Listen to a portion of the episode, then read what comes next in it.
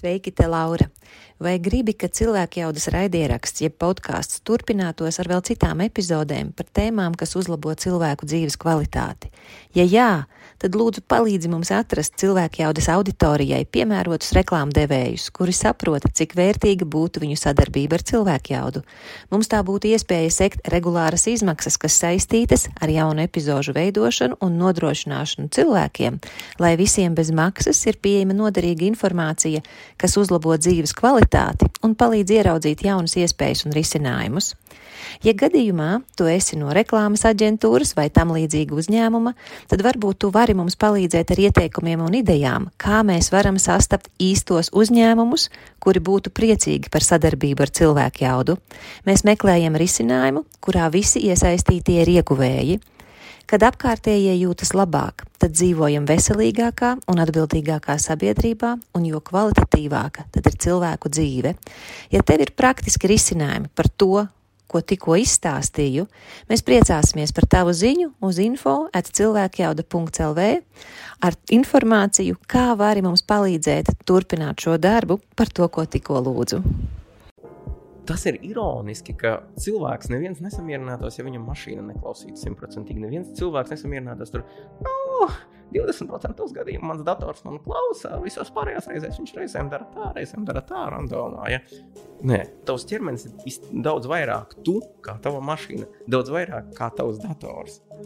Un kā var būt, ka šeit it kā ir normāli samierināties ar to, ka Es savam ķermenim lieku darīt to, viņš nedara. Es gribu, lai viņš būtu enerģisks. Varbūt, varbūt ja noveiksies, būs. Es gribu, lai viņš būtu kreatīvs.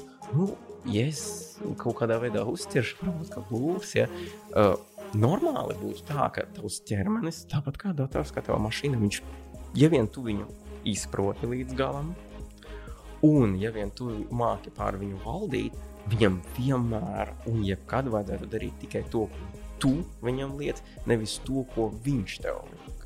Tas, kas cilvēkiem bieži vien notiek, tas, ka viņi pirmkārt nesaprot savu ķermeni, un otrām kārtām viņi nezina, kā savam ķermenim paprasīt to, ko viņi pa īstam grib. Nu, visi zina to, ka, piemēram, man vajag strādāt, lai nopelnītu naudu. Ja?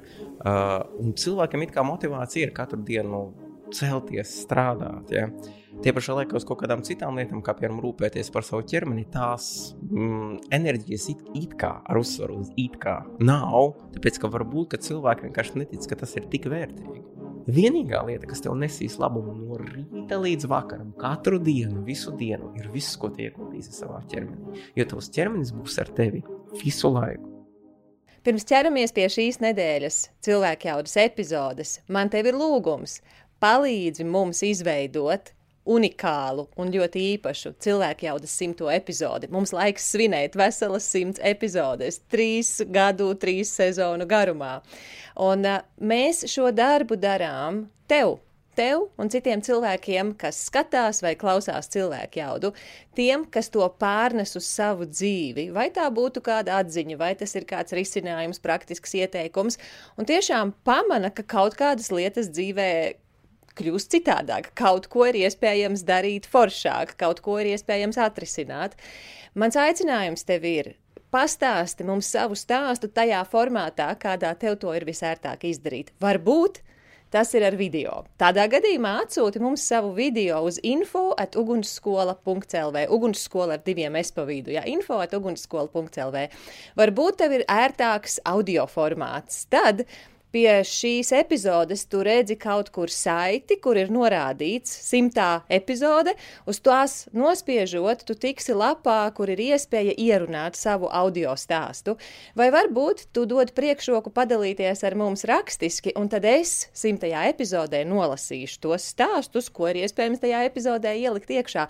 Mēs ļoti ceram uz tādiem stāstiem, kur cilvēku jaudas klausītāji, skatītāji, cilvēku jaudas domu biedri viens otru kaut kādīgi iedvesmot, padaloties ar savu pieredzi par cilvēku jaudas lietošanu. Varbūt tas ir stāsts, piemēram, nezinu, kāds ir pārņēmis ideju par prikolu pēc, varbūt tev ir stāsts, kur tu to izmantoji.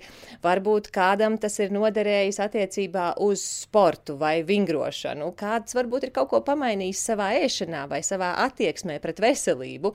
Varbūt kāds ir kaut ko pamainījis savās attiecībās ar sevi vai ar sev mīļajiem cilvēkiem. Varbūt kādu ir iedvesmojis vai devis jaunas idejas, kāds no piedzīvojuma stāstiem, kas pie mums ir bijuši. Tās visas ir foršas lietas. Un ir mums, latviešiem, tāda jocīga padarīšana, ka mums liekas, ah, ka tikai kāds par mani kaut ko neuzzina. Žēl, žēl, ka neuzzina tās lietas, kas tev noder un var noderēt vēl kādam citam cilvēkam, tāpēc mēs tam liekam punktu un mēs tam pavaram jaunas eh, durvis ar iespēju vienam otru iedvesmot. Mūsu komanda šo darbu dara tev. Mūsu komanda šo darbu dara citiem foršiem cilvēkiem, un tāpēc mēs gaidām jūsu stāstus, kurus mēs varam iekļaut cilvēku jaudas simtajā epizodē, tieši no pieredzes, kā tas, ko tu dzirdēji vai uzzināji cilvēku jaudas epizodē, bija kaut kas tāds, ko tu izmantoji savā dzīvē. Esi foršs, mūsējais, padalies ar savu stāstu. Šodien cilvēku jaudas epizodē man ir saruna ar Sandi Inzelbergu, gumiju cilvēku, ar kuru mums viena saruna jau ir ierakstīta, bet šis ir turpinājums, Un ne jau par to, kā būt gumija cilvēkam, bet gan par to, kas no Sanda zināšanām un pieredzes mums var noderēt, lai katram būtu vairāk enerģijas, vai vismaz lielāka motivācija kustēties un sportot. Un tas ir pilnīgs strunts, ja cilvēkam joga riebjās. Galīgi ok, Sandam ir citas idejas, ko, ko var izmantot. Un ļoti bieži es dzirdu uh, cilvēkus nu, lūdzam palīdzību, es gribu vairāk vingrot, es gribu vairāk kustēties, bet ir tik grūti sevi piedabūt. Un tas, kas parasti palīdz, ir, ka otrs cilvēks, zinošs cilvēks, pastāsta nu, tādus tā kā, trikus, atziņas, vērtīgas lietas, kas iedod motivāciju, kas iedod iedvesmu. Es nezinu, vai mums tas izdosies, bet plānā ir, ka mēs vismaz darīsim labāko no, no Sandra repertuāra, lai tas sanāktu. Es pati vingroju regulāri ar Sandi. Pat tad, kad man ir iebjās, es neko negribu darīt, viņš kaut kā māca lietas izstāstīt tā, ka es esmu ar mieru darīt, arī tad, ja man nav spēku, un ja man liekas, ka liekat man mierā, es vairāk neko negribu. Un tas garantētais vienmēr pēc nodarbības ir tas, ka enerģijas ir vairāk, ir labs garas stāvoklis, ir lielāka izturība. Un es Santim prasīju, vai tas ir dabūjams tikai caur jogu. Viņš teica, nē, ir ļoti dažādas prakses, ne katram joga ir piemērota. Tāpēc, Sandi, es tev uzdošu jautājumu par to, tad, kad mēs vienojāmies par to, kas šajā sarunā būs. Un es tev prasīju, kā šo sarunu varētu saukt. Tad tu teici, kā būt valdniekam savā ķermenī un prātā, uz ko es tev atbildēju, ah, nē, tāds nosaukums man nedara. es gribu par to, kā, kā, kas ir jādara. Lai cilvēkam ir tā enerģija, tas fokus, tā, tāda līdzsvarotība, kādu viņš savā dzīvē grib, un tāds spēks. Un tu teici, nu jā, tas jau ir tas, ka tu pārvaldi uh, savu ķermeni. Uh, Kas tev pašam šķiet pats būtiskākais no šīs tēmas attiecībā uz to, ka šobrīd cilvēki ir ļoti noguruši? Es pilnībā tev piekrītu, ka enerģija ir pats pats, pats svarīgākais. Tāpēc, ka tev var būt dižākais talants, tev var būt labākās prasmes vai zināšanas.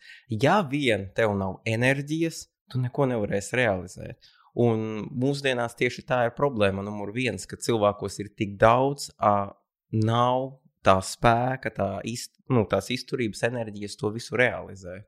Tāpēc es viennozīmīgi piekrītu, ka a, spēt atrast tos enerģijas krājumus, tas ir nu, pamatu pamats, lai viss pārējais arī dzīvē notiktu. Nu, labi, nu tagad es saprotu, piemēram, tiksim, cilvēks tā pie sevis domā. Nu, man tiešām nav spēka. Man, starp citu, pēdējā laikā ļoti daudz cilvēku saka, ka viss prasa vairāk laika man tam nav spēka, man, man, man, man ir jārēķina vairāk laika, un man ir jārēķina, ka es to knapi spēšu izdarīt. Nu, kas te pie vainas? Nu, šeit atkal pie vainas ir tieši enerģijas trūkums un lielā mērā arī motivācijas trūkums.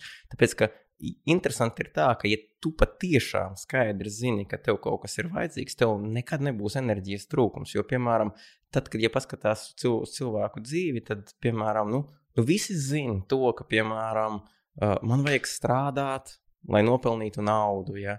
Uh, un cilvēkam ir kā motivācija ir katru dienu celties, strādāt. Ja? Tie pašā laikā uz kaut kādām citām lietām, kā piemēram rūpēties par savu ķermeni, tās mm, enerģijas it, it kā ar uzsvaru uz it kā nav. Tāpēc, ka varbūt ka cilvēki vienkārši netic, ka tas ir tik vērtīgi. Jā, jo liekas, ka man, man pašai vajadzēja ļoti ilgu laiku, lai vispār saprastu, ka tas, ko es ēdu, ietekmē manu enerģijas līmeni. Es sapratu, ka tas, ko es ēdu, ietekmē manu veselību, bet es to nesasaistīju arī enerģiju. Un kā tad ir ar kustībām? Jo uz kustībām es skatos līdzīgi. Tas, vai es kustos, cik veselīgi es to daru, ietekmē manu veselību, bet es nekādā veidā nesasaistīju to arī manu enerģiju. Un mēs šeit nerunājam neko ezotērisku. Neskatoties uz to, ka tu esi jogas čempions, ka tu esi pilnīgi nenormāls ar to, kur tu tās kājas sev var aizkrāmēt aiz muguras, līdz nobraukt lejā līdz dibenam un, un nezinu, ko tur vēl izdarīt. Tajā pašā laikā mēs runājam par to enerģiju, kas vienkārši ir spēks, kas ikdienā ir vajadzīgs. Nu, tāds kā tā jauda, kas mūs virza pa mūsu dienu. Kas ir būtiskākais, ko cilvēki nesaprot par kustībām un par to spēku, par jaudu, par enerģiju, kas viņiem ikdienā tāpēc ir pieejama vai nav pieejama? Tas, ko cilvēki nesaprot par, par enerģiju un vispār par, par ķermeni, ir, ka, piemēram, ja cilvēkam ir nogurums, viņš tagad domā, ak, Dievs, man jau tā tik daudz ir pienākumu, es jau tā esmu tik noguris. Ja es tagad vēl iztērēšu enerģiju, nu, vingrojot, piemēram, man būs vēl mazāk enerģijas, un nekas cits nevar būt tālāk no patiesības. Tāpēc, ka pat, ja, ja paskatās arī nu, visus numur viens ieteikumus, lai tu būtu enerģisks, viens no numuru, nu, pirmajiem pašiem svarīgākajiem ieteikumiem ir kusties, kusties, kusties, kusties pēc iespējas vairāk. Jo ir tāda interesanta lieta, ka mūsu ķermenis, jo vairāk tu kusties, jo vairāk enerģijas viņš tev dod. Un, un atkal tas nav nekas mistisks. Vienkārši te uzlabojas asinsrite, un tu spēj izdarīt vairāk. Un pats galvenais, ja, ja cilvēks maz kustās, viņš dod savam ķermenim signālu, ka mm, neko mums īpaši nevajag darīt, un viņam enerģijas līmenis krītās. Savukārt, ja tu vairāk kusties, tavs ķermenis jūt, ah, mums ir, mums ir darbība. Un viņš tev dos to enerģiju praktiski bezgalīgi. Tas arī ir viens no iemesliem, kādēļ nu, ja vien man nav simtprocentīga nepieciešamība apsēsties, es nekad dzīvē nesēdēšu. Nekad. Uh, vienmēr, ja es varēšu runāt, es runāšu stāvus. Ja es varēšu runāties staigājot, es runāšu staigājot, tāpēc ka es esmu pat pats pamanījis. Ja es nekustos, mans enerģijas līmenis sakrītās. Ja es kaut ko visu dienu staigāju stāvu un aktīvi trenējos, mans enerģijas līmenis ir pilnīgi bezgalīgs. Tu gribi teikt, ka tagad no ogles brauci līdz Rīgai ar vilcienu, tu staigāji pa to vagonu šurp tur. Nu, šoreiz tieši nē, lai gan es ļoti bieži tā tiešām arī daru. Nu, tāpēc, ka es zinu to, ka nu, tas, ir, tas ir pat arī, uh, ja tu, piemēram, esi nogurusi, uh, daudzi cilvēki instinktīvi ieņem tādu pozu, tur sakums, sakums jā, vai apsēžas. Un, ja tu ļaujies tam kārdinājumam, tev uznāks vēl lielāks nogurums, tāpēc, ka tavs ķermenis domās, ah, ok, mums tā kā viss ir beidzies, mēs ejam atpūsties. Ja tu esi noguris un tu speciāli uh, izslienies, skaties uz augšu, smaidi, ieņem majestātisku pozu, tev enerģija uzreiz atgriezīsies. Tāpēc, ka tavs ķermenis jūt, ka ah, viss turpinās. Tāpēc īstenībā ir tā, jo aktīvāks tu esi, jo vairāk enerģijas tu producēsi ķermenī.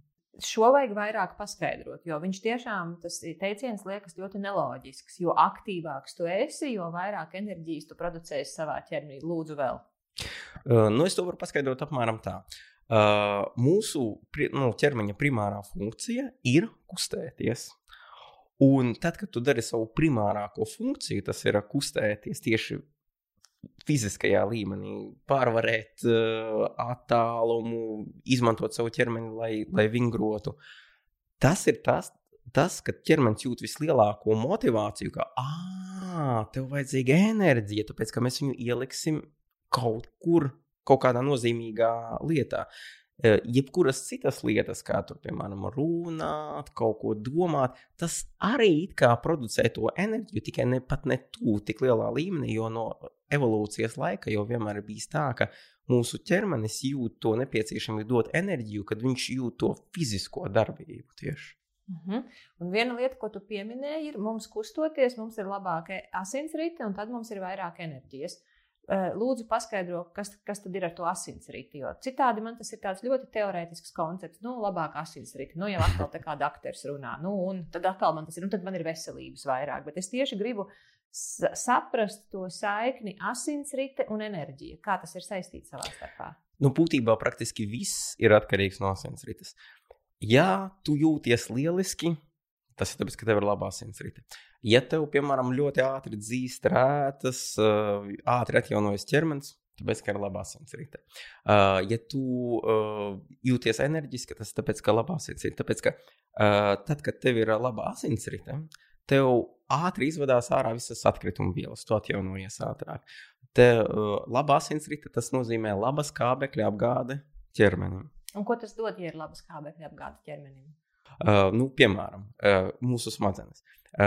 Ja ir laba skābekļa apgāde nu, ķermenī, tad mūsu muskuļi dabūja pietiekami daudz skābekļa. Ja muskuļiem ir pietiekami daudz skābekļa, viņi varēs darboties vēl un vēl un vēl. Ja pietiekami daudz skābekļa tiek klāt pie smadzenēm, viņas varēs darboties vēl un vēl, un nekad nenogurs. Piemēram, ja tu skaties uz kaut kādu cilvēku, un tu skaties, viņš visu laiku ņemās, viņš nekad nenogurs. Un tu skaties uz kādu, kurš visu laiku Ja. Vienīgā atšķirība starp viņiem ir, ka tas cilvēks ir attīstījis savu ķermeni tik ļoti lielā mērā, ka viņam ir, nu, kā tu saki, laba kardiovaskulārā sistēma, la, laba asinsrites sistēma, ka viņam ir spēcīga sirds, viņa pumpē daudz asiņu, uh, rezultātā muskuļi, smadzenes apgādājas labi ar asinīm, ar skābekli, un rezultātā tas cilvēks, kurš laiku ir superenerģisks un nekad nenogurst, un tas cilvēks, kurš ir Tad viņiem tā ir tā būtiskākā atšķirība. Mhm. Tā. Tas, ko tu tagad saki, man atgādina, pirms dažiem mēnešiem es biju uz sporta laboratoriju, es veicu izturības testus, nu, lai vairāk uzzinātu, kā strādā mana elpošanas sistēma, sirds un asinsvadi, un, un tur, kas nu, trešais bija, pēkšņi vairs neatceros. Un, tad, kad es saņēmu tos rezultātus, man bija konsultācija ar doktoru, uz ko viņa teica, ka te, tavs ķermenis ļoti labi prot sevi apgādāt ar skābekli, kas izskaidro tavas augstās darba spējas. Un tas bija tas brīdis, kur pagaidi, paga, ah, tad skābeklis ir iemesls, kāpēc man ir labākas darba spējas. Un iemesls, kāpēc tas tā ir, jo nu, es vienmēr esmu aizrāvusies ar skriešanu, līdz ar to nu, tā skābekļa apgāde ir tāda attīstītāka. Vai es nezinu, kas nu tur vēl tur tajā ķermenī ir. Paldies tev par šo. Vēl viena daļa cilvēku saka, man ir vajadzīga enerģija, lai es varu dabūt gatavu to, ko es gribu. Un, ja man nav tās enerģijas, es nevaru dabūt gatavu to, ko es gribu. Kas vēl šeit ir jāņem vērā, lai cilvēkam ir tā enerģija? Ļoti svarīgi ir viennozīmīgi uh, stāja. Tāpēc, ka arī, piemēram, ja, ja cilvēkam ir nu, viņš, sakumpis, viņš. sakumpis jā, vis, vis, visbiežākā uh, problēma, dēļ kā, piemēram, pa dienu sākas tas nogurums bez iemesla, vai arī motivācija pēkšņi sakrītās, vai arī kā daudz saka, ah, besis, nu, es nesaprotu, nekas slikts nav noticis, tikai nu, viss tā kaitina, nu, kāpēc, kāpēc tā krūze stāv te, kāpēc viņa nevarēja būt divus centimetrus tālāk. Tas sākas atkal, lai cik smieklīgi tas izklausītos, dēļ šī ir no. sakumpušās muguras, uzrautiem pleciem, jo viena daļa mūs neskatīsies video, bet klausīsies audio. Tāpēc es atstāstu, ko tu dari. ļoti labi. Dēļ uzrautajiem pleciem šeit nobloķējas asinsrite. Ja nobloķējas asinsrite, tad pie smadzenēm netiek klāts kābeklis. Un, ja pie smadzenēm netiek klāts kābeklis, tad smadzenes paliek apātiskas, un tas izpaužas uzreiz kā slikts gara stāvoklis un ļoti liels enerģijas trūkums. Un tāpēc es ļoti daudziem saku, nu, tas ir tik smieklīgi iedomāties, ka lielākā daļa no, no tiem tā saucamajiem garas, nu, garastāvokļa kritumiem bez iemesla, tu viņus visus varēji nepiedzīvot pa visu dzīvi, ja vien tu būtu attīstījis veselīgu stāju. Veselīgu stāju. Labi. Kas vēl ir tad, ja cilvēkam ir uh, stāja? Nu, pieņemsim, man ir bijuši gana daudz tādu gadījumu, kur es redzu uh, sevi video ierakstā, un es redzu, ka nu nav tur taisna mugura. Viens ir, es saprotu, man varētu tāpēc būt sliktāks garastāvoklis, man krītas enerģija. Kas vēl ir par zaudējumiem, ja cilvēkam nav ieraduma būt taisnam? Nu, tas ir tieši tāds - staltam, staltam. Domāju, jā. jā, man ļoti patīk, ka tu izmantoji šo vārdu ieradums, tāpēc, ka jā, tas viennozīmīgi ir ieradums. Jo es, piemēram, zinu nu, cilvēkus, kurš nu, vienkārši nu, bērnībā nu, tā sieviete ir bijusi mākslas vingrotāja. Un viņa vienkārši ir. Nu, tas ļoti iedzīts iekšā, vienkārši tas plecs pēc iespējas tālāk no ausīm. Ja, un, un, un viņa visu laiku taisnā kā sveice. Viņa jau, Cik gadus nav bijusi tā mākslas vingrotāja, viņa par kādu skolotāju tur strādā, it kā sēdošs darbs. Tie pašā laikā viņa visu laiku ir no tādu nu, stāju, ka tur vienkārši uz viņu var skatīties un tur tā, wow, modelē vienkārši. Ja? Tāpēc, jā, viennozīmīgi tas ir ieradums, ja? tas ir apzināti, ka tu visu laiku pie tā piedomā. Ja? Lai gan tas, protams, lielā mērā ir atkarīgs arī no treniņiem, tāpēc, ka, ja ja cilvēks uh, ir pārāk jau aizlaidis situāciju, viņam vienkārši krūšu muskuļi ir pārāk stīvi, un starplāpsņu muskuļi viņa vispār ir pilnīgi nedzīvi. Tā kā un... viņi tādi vārgi, tīzli, ja? tā tu to domā? Tie starplāpsņu muskuļi. Jā, starplāpsņu muskuļi, viņi ir, nu, viņi ir pilnīgi, nu, tādi Nu, tā kā retardēti, kā saka. Nu, viņi, viņi atpalikuši. At, bo, jā, atpalikuši tā, ka viņi vispār nu, nejūt, kā kaut ko darīt. Nu, viņi nedzīvo. Ja? Un šie muskuļi atkal ir savilkti. Tāpēc, kāpēc... Tad tas savāk tos plecus uz priekšu kārtīgi. Vai? Jā, š, šie savilkti uz priekšu. veidojās. Un, kūkums mugurā. un veidojas kūkums. Un kāpēc es to uzsveru? Tāpēc, ka, jā, viennozīmīgi, ka tev ir taisnība, tas ir ieradums. Tie pašā laikā, piemēram, cilvēkiem, kuri sporto, nu, nu tiešām to ir izdarīt daudzas reizes vieglāk, tāpēc, ka tu kādam, kurš nesporto, pateiks, ē, klau, mm, iztaisno. Viņam būs. Viņam tur būs četras reizes grūtāk, kā tev. Viņš to pat fiziski nevarēs izdarīt. Tā, viņš pasēdēs kādu laiku, un tam viņam būs. Oh, Beidzot, var pārpūlējos. Ja? Tāpēc, ka viņš nejūtas tā kā tu vai es, viņam tas ir, nu, tā kā tur vienkārši, nu, spīdzināšana. Tieši tāpēc krūšu muskuļus vajag stiept, un šeit vajag trenēt. Un tad viss ir viegli. Mm -hmm. Labi, vai vēl kaut kas ir attiecībā uz stāju? Tātad tas ietekmē darba spējas, tas ietekmē gara stāvokli. Ko vēl ietekmē mūsu drāmīgā stāja? O, drāmīgā stāja ļoti ietekmē to, kā tu jūties. Viennozīmīgi, tāpēc ka atkal uh, mūsu smadzenes vienmēr saņem signālus pēc tā, kāda ir tava stāja, tava mīmika, nu, kā, kādas vielas sūtīt tavā ķermenī. Ja? Un, piemēram, atkal tas ir tik smieklīgi iedomāties, ka cilvēki bieži vien jūtas sliktā garastāvoklī tikai dēļ tā, ka viņiem, piemēram, ir vienkārši ieradums sēdēt šādi. Sakumpušie. Skatīties bieži, piemēram, uz leju, tāpēc, ka atkal, ja tu, ja tu esi sagrimis šādi, te, ah, vēl viens svar, svarīgs moments, piemēram, mūsu galvas var 5 kg. Ja tu viņu pavirzi tikai druskuļi uz priekšu, viņa jau sver 10 kg. Ja tu paugvirzi 45 uh, grādus, 25. Tad iedomājies, cilvēks, kurš ir. Sēž... galva jau, jo, ja, vienalga, vai viņi man nocirtīs, kad man viņa ir stalta, vai kad nocirtīs, kad man viņa ir 45 grādi, uzliks uz svariem, viņa jau svērs tos pašus 5 kg. Viņa sver tieši tos pašus no kilogramus, tikai re, re, kur ir tas joks. Nu, piemēram, ja tu paņem uh, 5 kg hanteli. Jā. Ja tu viņu tur ir šitā, viņa liekas viegla. ķermeņa, ja, kad elkonis ir klāt. A, tagad iztaisno viņu šitādi, ka tev ir tā hantele lielā jā, šeit. Tev būs, Tad iztaisnot tā rokā būs grūtāk, tas ir lielāks svars. Tāpēc, rokā, ka tas jā? ir, nu, biomehāniski daudz grūtāks leņķis, dēļ kā tā pati 5 kg šeit jūtās viegli, šeit viņa knapi vispār varētu noturēt pēc spēcīgs cilvēks. Tas pats arī, arī ar mūsu kaklu daudz saka, Dievs, man te tā, tā savilkt un sāp. Tāpēc, ka atkal, Šajā leņķī tie 5 kg. Taisni, taisni turot galvu. Taisni. Šis ir visvieglākais leņķis. Šeit tiešām mūsu kaklam ir 5 kg. Atdeļ šī leņķa, tas leņķis tā ir. Tā galva ir uz priekšu, tā kā tādam mērkaķim izbīdīts, ja? Tā kā 40, nu, es tieši arī šo izmantoju to.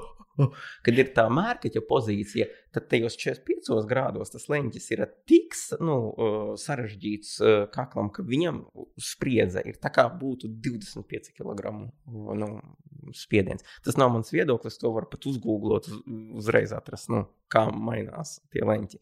Tāpēc veselīga stāja, nu, iedomājies, kā jūties tu, pieci kilīši, vai kāds cits, kuram ir tāda pati galva kā tu, tikai viņš piecas reizes vairāk savu kaklu moka kā tu, tikai dēļ tās grillas.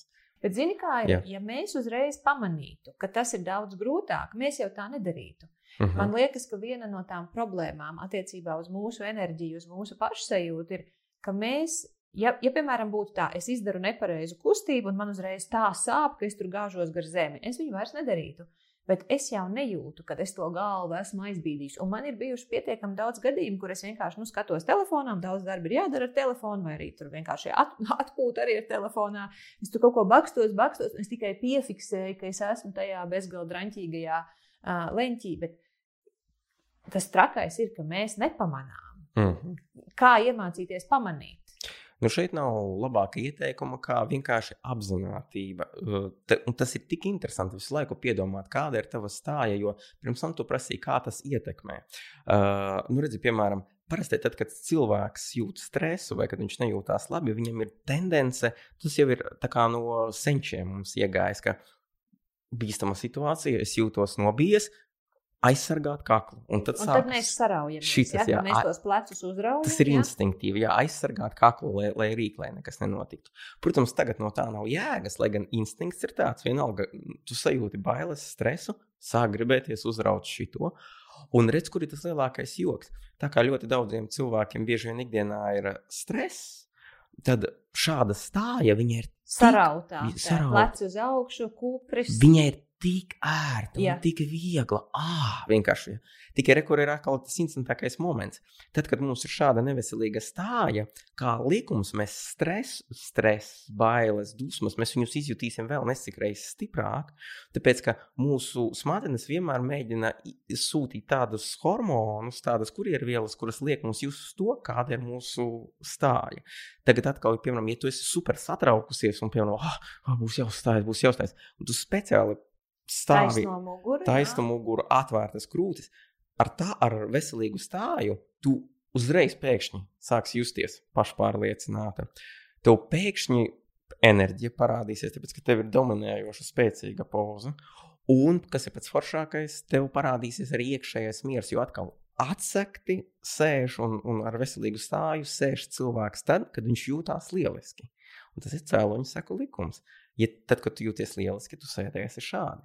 Tad, kad tu piespiedz sevi šādi sēdēt, tu neizbēgami sāksi justies pašpārliecināta, laimīga un enerģiska. Izņemot, ja man ir tik nērti tā pareizi sēdēt, ka tad es vienkārši tur zobus sakodusi, kas ir pateicis, ka tā ir viegla poza, kurš idiņš tas ir bijis. Jā. Pilnīgi piekrītu, tāpēc, es zinu par to, ka, o, ka piemēram, trenižera zālē, es vēl atceros, kad es vēl mācījos par uh, treneri. Uh, treneži, nu, mums tur bija daudz treneru, un viens tik sakačāts puisietis, un viņš, nu, trenerim, kurus mūs mācīja, viņš tā, oh, man, man visu laiku ir problēma ar to mērķi, mugurot, nu, sarat, nu, es zinu, ka ir jāsēž šī tādā tikai, man visu laiku. Tā, tas ir tik grūti un sāpīgi, ka mums šis atgriežas visu laiku. Ko tā viņš darīt? no tā, lai viņš zina, kad ir jāsēž taisni, viņš visu laiku sakumst. Ja? Jā, un, un, un tiešām, nu, vīrietis, nu, presīta, nakačots, lieli pleci, muskuļēns. Ja? Un ir taču skaidrs, viņš sporto. Un tas uzreiz rodas tā kā loģisks jautājums par kaut ko spēcīgs vīrietis. Noteikti tur trenižera zālē tur cilā milzīgus svarus. Tikai viņš pats savu ķermeni nespēja noturēt. Kā tas var būt? Nu, kā tas var būt? Es arī gribu zināt.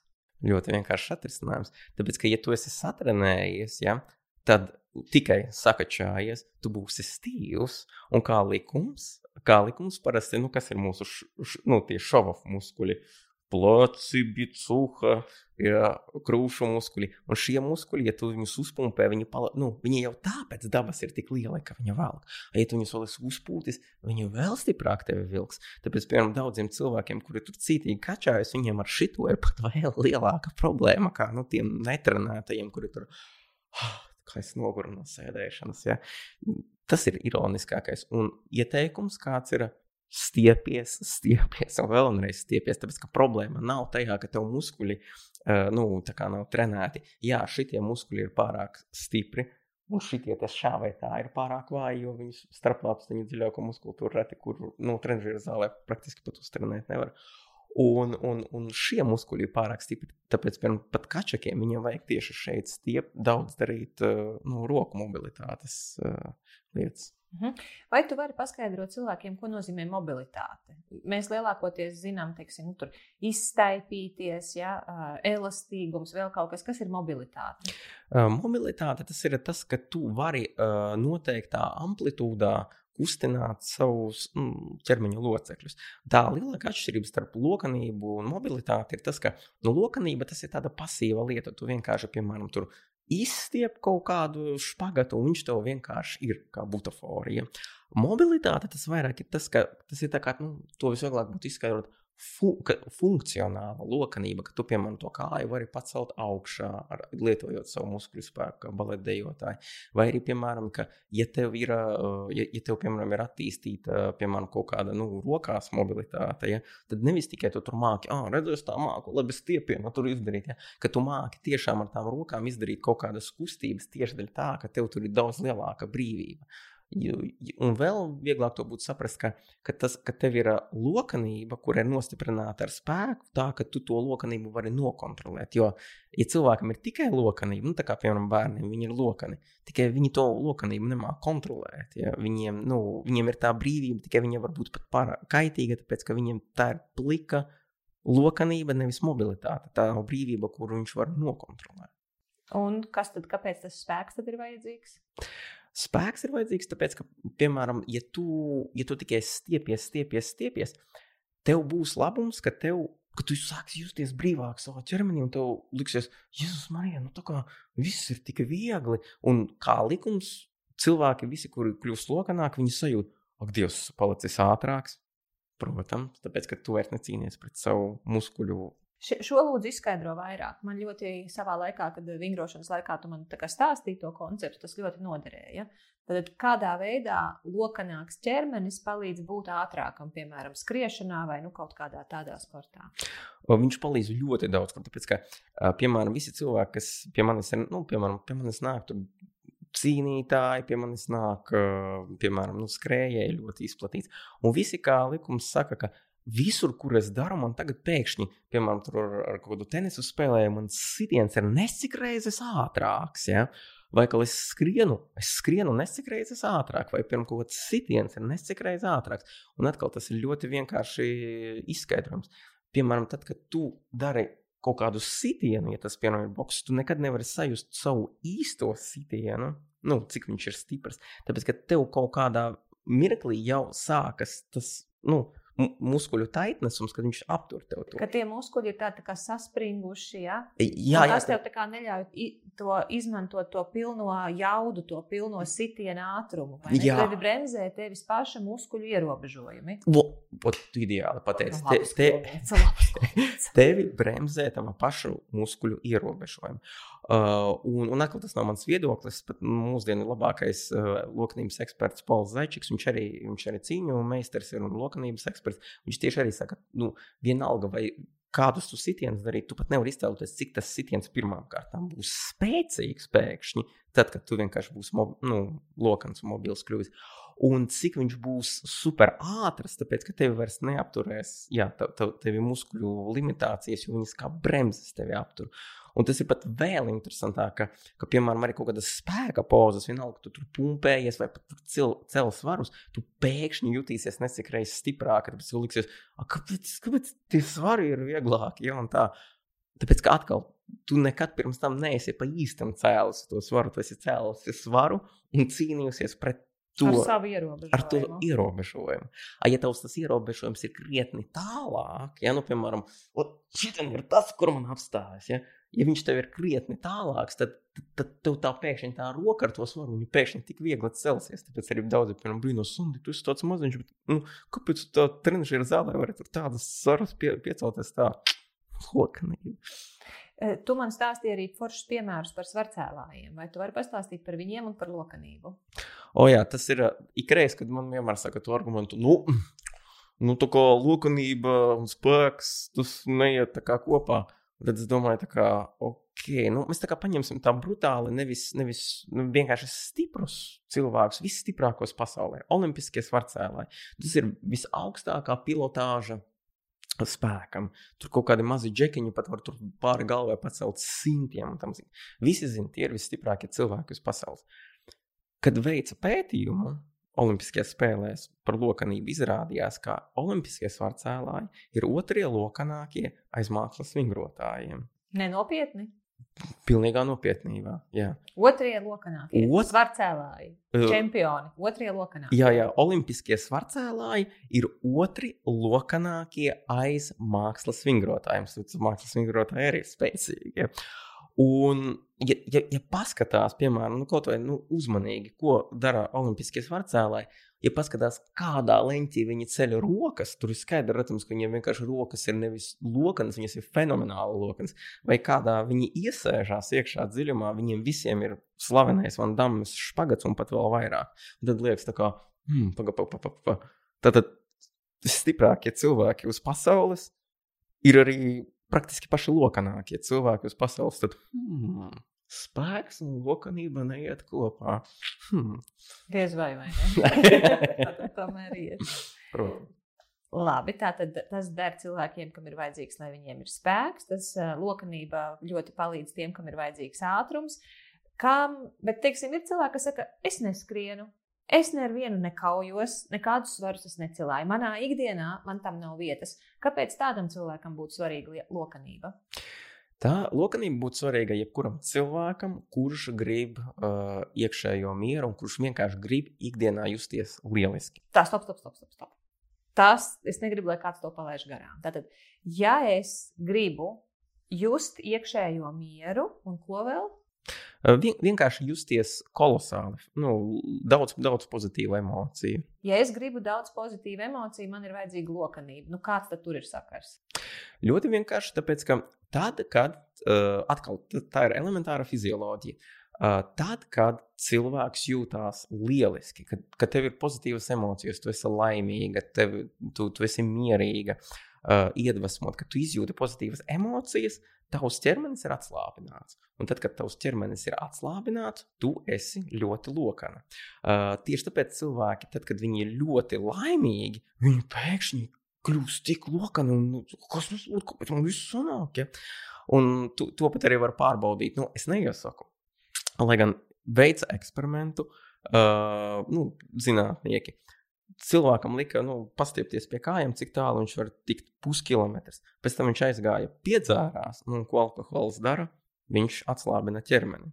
Un tas just, nu, jautrāks pēkšņi viņš puskilometru tālāk aizgāja. Jā, bet tikai nu, ne jau tiešā nozīmē, tas tā pārnestā nozīmē puskilometru. Tātad sākumā cilvēkam bez alkohola viņš varēja nedaudz paliekties uz mhm, priekšu, mm -hmm. jā, un tad, kad viņš sadzērās, tad tā paliekšanās uz priekšu viņš bija kļuvis vienkārši elastīgāks. Tu, tu izskaidroji to ka viņš bija atslābušāks. Jā, jā, jā nu, ķermenis vairāk atslābinājies, un tā arī lokā. Jā, nu, jā? atslābinātāks, un, protams, arī kāpēc cilvēki alkoholu lieto. Tāpēc, ka viņi nemāk savādāk gūt uh, pozitīvas emocijas. Un rekur arī saslēdzas tas kopā ar tām pozitīvām emocijām. Jo, redzi, uh, tad, kad tu esi, nu, uh, laimīga tā vai cita iemesla dēļ, tev šī lokanība būs tāpat kā jebkuram citam. Pak, pak, pak, bet, ja es būšu galīgi stīva, nu, tāda nu, man neattīstīts ķermenis ir, nu, tad es tagad starošu kā tāda māja saule no laimes. Nezinu, no kaut ko Mišels tur būs ļoti labi izdarījis, vai bērni tur būs kaut kā fantastiski kaut ko sadarījuši, par ko es esmu ļoti laimīga. Nu, ko tad es uzreiz būšu ļoti lokana, ja es citādi neesmu? Tu, tu, tu jutīsi, nu, te, es būšu lokanāka. Tev tajā mirklī, kamēr tu būsi laimīga, tu tiešām varēs izdarīt krietni vairāk attiecībā uz lokanību. Uh, jo atkal, piemēram, tas nenozīmē, ka es būšu lokana kā mākslas vingrotāja. Es vienkārši jā, būšu lokanākā, kā es parasti esmu. Jā, jā? pa kādiem 20-30% to lokanību būs mm -hmm. vairāk. Tas ir jebkuram cilvēkam. Uh, jogā, piemēram, to dara otrādi. Viņi zina šo sakarību. Aha, tad, kad tu jūties labi visās jomās, tad tu esi lokanāks. Tāpēc uh, to pagriež uz otru pusi. Uh, tu kļūsti lokana ka tu esi lokana, tavs ķermenis ir atslābis ikdienā, un ar atslābušu ķermeni tīri fizioloģiski tu nevari just negatīvas emocijas. Tas vienkārši fizioloģiski nav iespējams. Cilvēks saspringtai būt, lai tu izjustu negatīvas emocijas. Tieši tāpēc, piemēram, izteikti lokaniem cilvēkiem, viņiem ir gandrīz neiespējams sajust negatīvas emocijas. Un tur, tur, tur ir tā lielākā lieta. Un tas pat īstenībā ir pat, uh, kad es strādāju ar bērniem, es esmu pamanījis, nu, piemēram, bērni ir lokani. Visi bērni, kur ir super tādi pozitīvi, draudzīgi, nu, tādi dzīvespriecīgi, ah, visus tur apķer. Viņi, viņi tā kā uz steroīdiem ir. Ja? Viņiem iedos, un viņiem tā lokanība tikai nāk, nāk, nāk, nāk, nāk, nāk un tik tālāk. tālāk. Visi bērni, kuri tādi kautrīgi, tādi var redzēt, visu laiku tādi skumji, tādi noslēgušies sevi, ja? nu, stresaini diezgan, ja tur ne ar vienu nekomunicē. Viņi, viņi it kā stiepjas, visu dara, tikai tā lokanība kā nenāk, tā nenāk. Tāpēc, ka atkal viņiem ir saspringts ķermenis, tāpēc, ka viņi ir nu, stresā. Ja? Tas ir ļoti radikāls piemērs, kur, kur arī pat uz bērniem to var redzēt. Ja.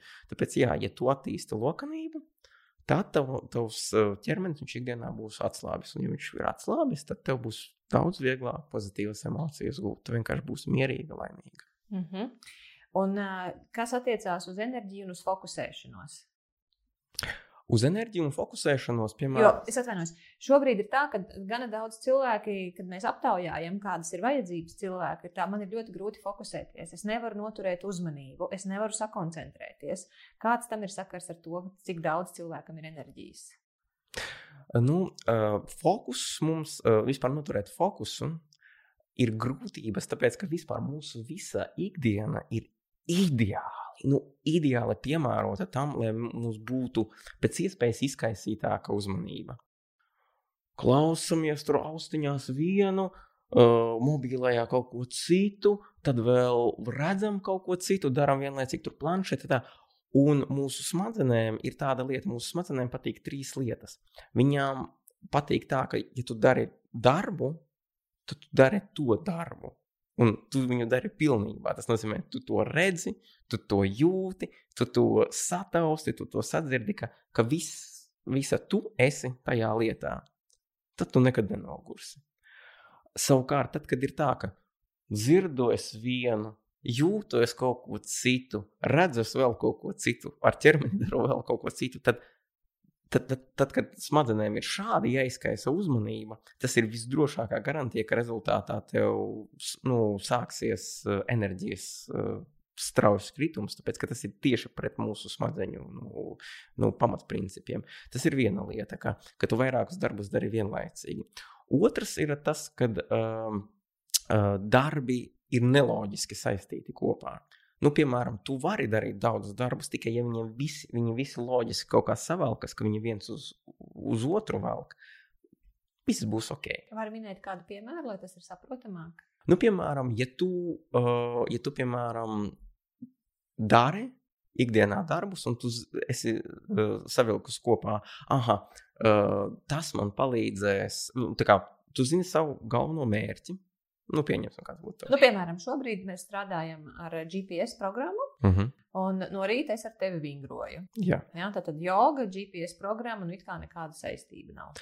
Nu, tu uzreiz, piemēram, loģiski savelc, ka, ah, joga man palīdzēs. Koncentrēties. koncentrēties. Jā, jo es tev tieši prasīju, man vajag tādu jogu no rīta, lai es varu koncentrēties. Ideāli. Uh, ka tu uh, uzreiz savos kopā, ah, es izmantošu jogu, lai es būtu enerģiskāka, fokusētāka, uh, lai man labāk strādātu ķermenis un prāts. Un tad šī nesaistītā lieta pēkšņi ir ļoti saistīta ar smadzenēm, ir, ir, ir sakarība.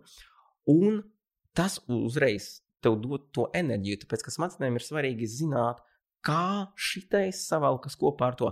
A, tas haoss, ka uh, es daru to, un es daru šito, un es daru šito, un tad liekas, ka pš, kam tu to dari un, un kādēļ tu dari. Un tas iznīcina enerģiju katraks.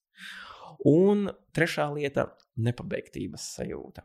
Nepabeigtības sajūta tas arī ļoti, ļoti tērē enerģiju. Ja tu vienkārši tu izdari kaut kādu darbu, tu it kā nepabeidz, ķeries pie nākamā. Tas it kā ir ok, tikai tev vismaz iekšēji vajag to lietu palaist. O, es izdarīju, viss, šņip, Tagad šī. Ka viņa vairs neatnāk manās domās, ka es par to vairs nedomāju. Ja? Pilnīgi pareizi, Laura. Ka, ka tu tā kā to palaidi, un tu, varbūt tu viņu neesi pabeigusi. Tajā pašā laikā tu zini, es viņu esmu pabeigusi šodien, tik daudz, cik es gribēju.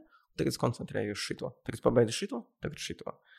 Un tad viss ir kārtībā. Savukārt, ka visu laiku valkās līdzi, tas es tur nepabeidzu to, un tu esi tur, piemēram, mājās ar ģimeni, tu joprojām domā par darbu, ja kaut uh, darbā tu domā par ģimeni. Ja? Nu, kad, kad, kad tev nav tā, ka, oh, darbs beidzās, ģimene.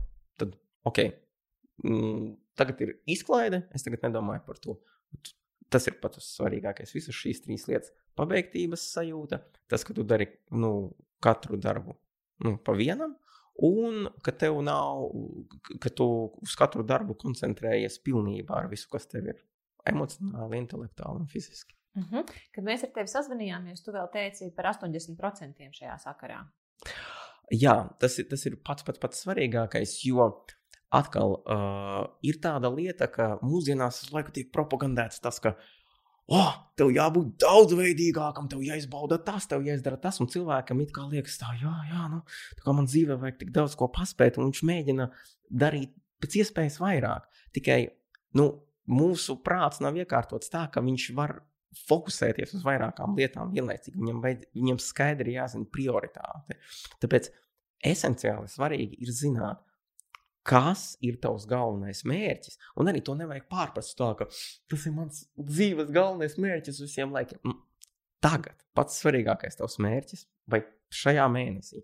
Tu zini, ah, un ja tu skaidri zini to savu galveno prioritāti, tu šai prioritātei velti 80% savas enerģijas, sava laika. Un 20% visām pārējām lietām. Un pats svarīgākais ir nevis tikai nu, tā fiziski tam veltīt, arī, nu, ja tas ir iespējams, tas nav viegli. Ja tas ir iespējams, ideāli būtu tā, ka tu arī iespringsti par to lietu, par visām citām lietām, nu, 20%. Tādā ziņā, ka tu neļauj tām pārējām lietām kratīt tevi tikai, tikai pa 20%. Ja? Bet 80% es fokusējos uz to, kas ir tā mana visbūtiskākā lieta. Pilnīgi pareizi. Un kādā veidā tas man dod enerģiju? Tāpēc, kā atkal, ja tu, ja tu fokusējies uz, uz to vienu lietu, tad tu savam ķermenim dod maksimāli precīzu signālu, kur tev tā enerģija ir vajadzīga. Savukārt, ja tu, ja tu viņam nevari, ja, ja tu viņam tā kā rādi, tad tas, tad tas, tad tas. Jā, man tur, man tur ar draugiem viss kaut kas jāizdara, tad man tam cilvēkam ir jāpalīdz, tad man vēl tur ir jāsazvanās ar tiem, man vēl ir jāpasūta tas. Tad kas notiek ar manu ķermeni? Tad, tad, tad tas ir visdrošākais veids, kā dabūt neirastēniju. Vai, kas nu, ir neirastēnija? Nu, kronisks uh, nogurums, kad cilvēks saka, nu, kad prāts nestrādā motivācijā. Tātad, tad, kad man ir daudz prioritāšu vienlaicīgi, tas ļoti nogurdina manu ķermeni.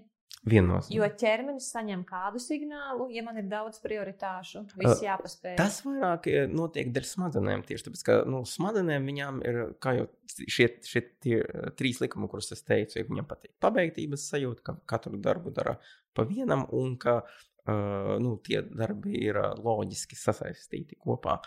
Ja tu pārkāp šo likumu un tu dari daudzus darbus vienlaicīgi, visu laiku ir nepabeigtības sajūta. Ja? Uh, Uh, un, uh, nu, vi, viņiem nav loģiskas uh, sasaistes. Tad smadzenes strādā nevis kā viena karaļvalsts, viņas sadalās tādās kā vairākās savā starpā nesaistītās. Mazos rajončikos. Oh, Mazos rajončikos, kas, kas ir haotiski, slikti sadarbojas. Un tad, dēļ tā, ka smadzenes paliek, nu, viņas neadekvāti sāk darboties, tas sāk arī ķermenī izpausties kā tas nogurums, ka, ak, Dievs, Es tā nogurstu, es nesaprotu, tu vēl tikai trīs, un es jau, jau, jau, jau lūstu nost. Tu, tur ir tā lieta, ka tā, nu, tās kņazistes daudzās. Labi. Vēl viena lieta, kas cilvēkiem ir svarīga, lai viņi savā dzīvē būtu radoši. Kāds ir sakars radošumam un enerģijai un mūsu ķermenim? Kāda tur ir saikne? Nu, radošums ir uh, primāri atkarīgs, protams, no mūsu smadzenēm kā mēs spējam viņus stimulēt. Un mūsu smadzenes gūst visu laiku to nu, stimulu būt radošām, tad, kad mēs visu laiku kaut ko jaunu mācāmies, kad mēs sevi izaicinām. Un tas ir pats interesantākais, ka viss, visstiprākais stimuls smadzenēm nu, atraisīt visas radošās spējas ir tieši tad, kad tu, piemēram, darbojies ar ķermeni. Jo atkal, tas atkal ir mums no senču laikiem. Tad, kad uh, mēs dzīvojām nu, pliki, lāčādās, ja, un vajadzēja medīt to mamutu, nu, tieši tad, kad, kad, kad nu, ķermenis jūta to, ka oh, ir izaicinājumi, ja, ir kaut kādi fiziski izaicinājumi, man tagad vajag izdomāt, kā, kā būt ātrākam, man vajag izdomāt, kā tur noķert to vai to. Ja. Tieši caur to fizisko uh, maksimāli stimulējās tā radošā domāšana, mm, kā nomedīt to mamutu. Ja? Nu, tajā laikā cilvēki bija ļoti, ļoti kreatīvi. Ja? Tāpēc, arī mūsdienās ir tas pats. Jā, es nenoliedzu, ar mākslu, ar mūziku tu vari ļoti atraisīt savu radošo domāšanu. Un caur ķermeni tu viņu vari atraisīt vislielākajā mērogā, jo tad darbojas viss. Tav, tavs intelekts, tavas emocijas, un tu visciešākajā veidā strādā ar to, kas kas visciešākajā veidā ir. Ja tu, tu nevis uzglezno gleznu skaistu, ja, vai izgudro skaistu mašīnu, tu, tu būtībā strādā ar mākslas darbu, kas ir lūk, te, šeit, tavs ķermenis. Kaut kā vajag sarežģīt šitais bija. Iedod vai kaut kādu saprotamāku skaidrojumu. Jo tas, ko es saprotu, tu runā šobrīd par tām situācijām, kur, teiksim, cilvēks arī ar neattīstītu fizisko stāvokli. Nu, kā, nu, viņš ir vesels, ja viņam tur viss kustās, bet uh, viņam nav izturības, viņam nav uh, lokanības, viņam nu, mobilitāte, nu, kāda tur ir, tāda nu, tur ir. Viņam nav uh, izturības, spēka, nav nu, līdzsvara sajūta, drāmķīga, bet viņš ir ģeniāls savā prātā. Mm -hmm. Bet tad jau viņam viss ir, viņu neinteresē tās sporta lietas. Mm -hmm. Nu, kādā veidā viņš būtu ieguvējis, ja viņš kustētos, kas mainītos? Jo viņš saka, man viss ir labi, lietas man mieru atšuities jūs ar savām sporta izdarībām? Tu ļoti, ļoti labu jautājumu uzdevi. Tāpēc, tas ir ļoti spēcīgs arguments, kad parasti saka, oh, nu, ha, jā, man tur ir kaut kāds liekais svariņš, jā, es vispār tur nekustos. Ja, Aut, paskaties, es esmu tik radošs. Ja. Un šis arguments ir vienkārši viens no smieklīgākajiem argumentiem. Tāpēc, ka viņš vienīgais, ko pasaka, ir tas, ka acīm redzot, tu visu pārējo dari tik pareizi un gudri, ka tu spēj būt radošs vai radoša pat par spīti liela, šim lielajam trūkumam. Jo, piemēram, nu, tas, ka atradīsies kāds cilvēks, kurš visu laiku boxējas ar vienu aizsietu roku, Un viņš saka, tad viena roka sasiet, viņš tikai ar vienu boxējas. Jā? Viņš ar vienu boxējas, viņš tā, ah, paskatieties! Es esmu kļuvis uh, par vienu no labākajiem boxeriem. Boxējieties ar vienu roku. Redziet, tā tad otru roku nemaz nevajag. Nu, tas, ko viņš pierādīja, ka viņš ir tik apbrīnojami labs, ka viņš pat ar vienu roku var uzvarēt. Tas gan galīgi nemaina to, ka, ja viņš sāks izmantot abas rokas, kā visi citi, viņš būs divas, trīs reizes vēl labāks. Tas pats arī ar, ar, ar radošumu. Jā, ja tu spēj neattīstot savu ķermeni, būt radošs, apsveicu, tu visu pārējo dari tik pareizi, un tu esi tik tādā ziņā krūts, ka tu pat par spīti šim trūkumam spēj sasniegt apbrīnojams rezultātus. Un pareizi šos rezultātus reizes četri, ka tu būsi vēl arī savu ķermeni izkopis, jo tad tev tas palielināsies vēl četrkārtīgi. Mm. Tad, eh, ja es gribu labi justies savā ķermenī, tu teici, ka ir būtiski, lai mūsu ķermenis kalpo mums. Tu sacīji tādus vārdus, tā, kad mēs sarunājāmies iepriekš. Es gribu just enerģiju, mans ķermenis dod man enerģiju. Es gribu just motivāciju, un mans ķermenis ļauj man just motivāciju. Mans ķermenis un prāts. Es uh, gribu spēt fokusēties, un mans ķermenis un mans prāts spēj man palīdzēt fokusēties. Nu, tas jau izklausās pēc kaut kādas leiputrīs, ko pasūtīja, to piegādāja. Nu, kāds vispār ir iespējams? Nu, tas īstenībā ir. Nu, tā, tā, nu, tas ne tikai tā ir, tā tam vajadzētu būt. Tāpēc, ka atkal, piemēram, ja tev ir dators, Tu zini, ka tev ir pilnīgākā kontrole pār viņam. Tik ilgi, kamēr viņā viss ir kārtībā, tu zini to, ka, ja tu slēgsi to taustiņu, viņam simtprocentīgi jādara tas, ko tu viņam liec. Tāpēc, ka tu zini viņa programmu, tu zini, kā viņš darbojas, un viņš pilnībā pakļaujas tev. Tas pats arī ar mašīnu. Nu, ja mašīnai viss ir kārtībā, viņš nebūs tā, ka tu viņu griez pa kreisi, viņa brauc pa labi un tā. Pš, Nu, šoreiz mašīna nav labā garā stāvoklī. Ah, nu viss ok. Ja, vai tur oh, es viņai spiežu, brauc ātrāk, viņa brauc lēnāk. Viss kārtībā, mašīnai nav enerģijas. Ja. Nu, tu, mā, tu vienmēr simtprocentīgi kontrolē savu mašīnu. Ja, tu, ja viņa nedarbojas tā, kā tu nu, viņai liec, tad tam ir tikai viens izskaidrojums. Mašīna kaut kas nav kārtībā. Un tas ir ironiski, ka cilvēks neviens nesamierinātos, ja viņam mašīna neklausītu simtprocentīgi. Neviens cilvēks nesamierinātos tur. Oh, 20% gadījumu mans dators man klausa, visās pārējās reizēs viņš reizēm dara tā, reizēm dara tā, randomā. Ja? Nē, dators vienmēr dara tā, kā tu gribi. Nē, nē, viņš nedara tā, kā es gribu. Viņš dara tā, kā es viņam lieku. Viņš galīgi nedara tā, kā es gribu. nu, ka tu, tev, es varēju saprast, nu, tu. Es var... gribu, lai viņš man kaut ko, tas dators, lai man izprintē, vai nezinu, lai tas dators tur atver kaut kādu programmu, bet es kaut ko varbūt nepareizi saspiežu. Bet gribēju, tad es gribu joprojām to pašu, bet viņš izpilda tās komandas, ja tas ir normāli darbojošs dators, tās komandas, ko es viņā ievadu. Tieši tā, tāpēc, ka tu zini viņa programmu, un, ja tu zini, kā viņu apieties, viņš vienmēr darīs. Tas ir, nav, nu, tas ir galīgākais absurds, kad cilvēki spēj normāli uztvert to, ka O, nu, man ir mans ķermenis, kas ir vistiešākajā veidā, tas esi tu. Tas ir vistiešākajā veidā. Tad, nu, tavs ķermenis ir daudz vairāk tu, kā tava mašīna, daudz vairāk kā tavs dators. Un kā var būt, ka šeit it kā ir normāli samierināties ar to, ka es savam ķermenim lieku darīt to, viņš nedara. Es gribu, lai viņš būtu enerģisks. Varbūt, varbūt ja noveiksies, būs. Es gribu, lai viņš būtu kreatīvs. Nu, ja es kaut kādā veidā uzķeršu, varbūt ka būs. Ja. Normāli būtu tā, ka tavs ķermenis, tāpat kā dators, kā tava mašīna, viņš, ja vien tu viņu viens izproti līdz galam, un ja vien tu māki pār viņu valdīt, viņam vienmēr un jebkad vajadzētu darīt tikai to, ko tu viņam liec, nevis to, ko viņš tev liek. Bet klausies, ir taču tie, tāda nu, attieksme, ka ķermenis ir ļoti gudrs, un mums būtu vairāk jāklausās ķermeņa gudrībā. Tagad tu saki, man ir jāliek ķermenim darīt, un ķermenim man ir jāklausa. Es tur redzu kaut kādu bišķiņu pretestību, jo e, nu, tā pieeja, ka ķermenis ir ļoti gudrs, es arī neredzu, ka tā būtu šķērsām mhm. ideja. Kad, kā, tad, kā tad tagad ir? Es esmu tas meistars un ķermenis mans kalps, ja tomēr tas ķermenis ir, es nezinu, tā kā partneris un mums ir jāsadarbojās. Jo galvenais, ko es gribu, es gribu, lai man ir enerģija, es gribu, lai es labi jūtos. Nu, tad kā man veidot attiecības ar to ķermeni, lai man izdodas? Nu, tas ir ļoti vienkārši. Uh... Visdrīzāk to varētu noraksturot kā partneris. Tāpēc, ka jā, ķermenis ir gudrs. Viņš tev dos signālus, kas ir kā. Jā, gulēt uz dīvāna.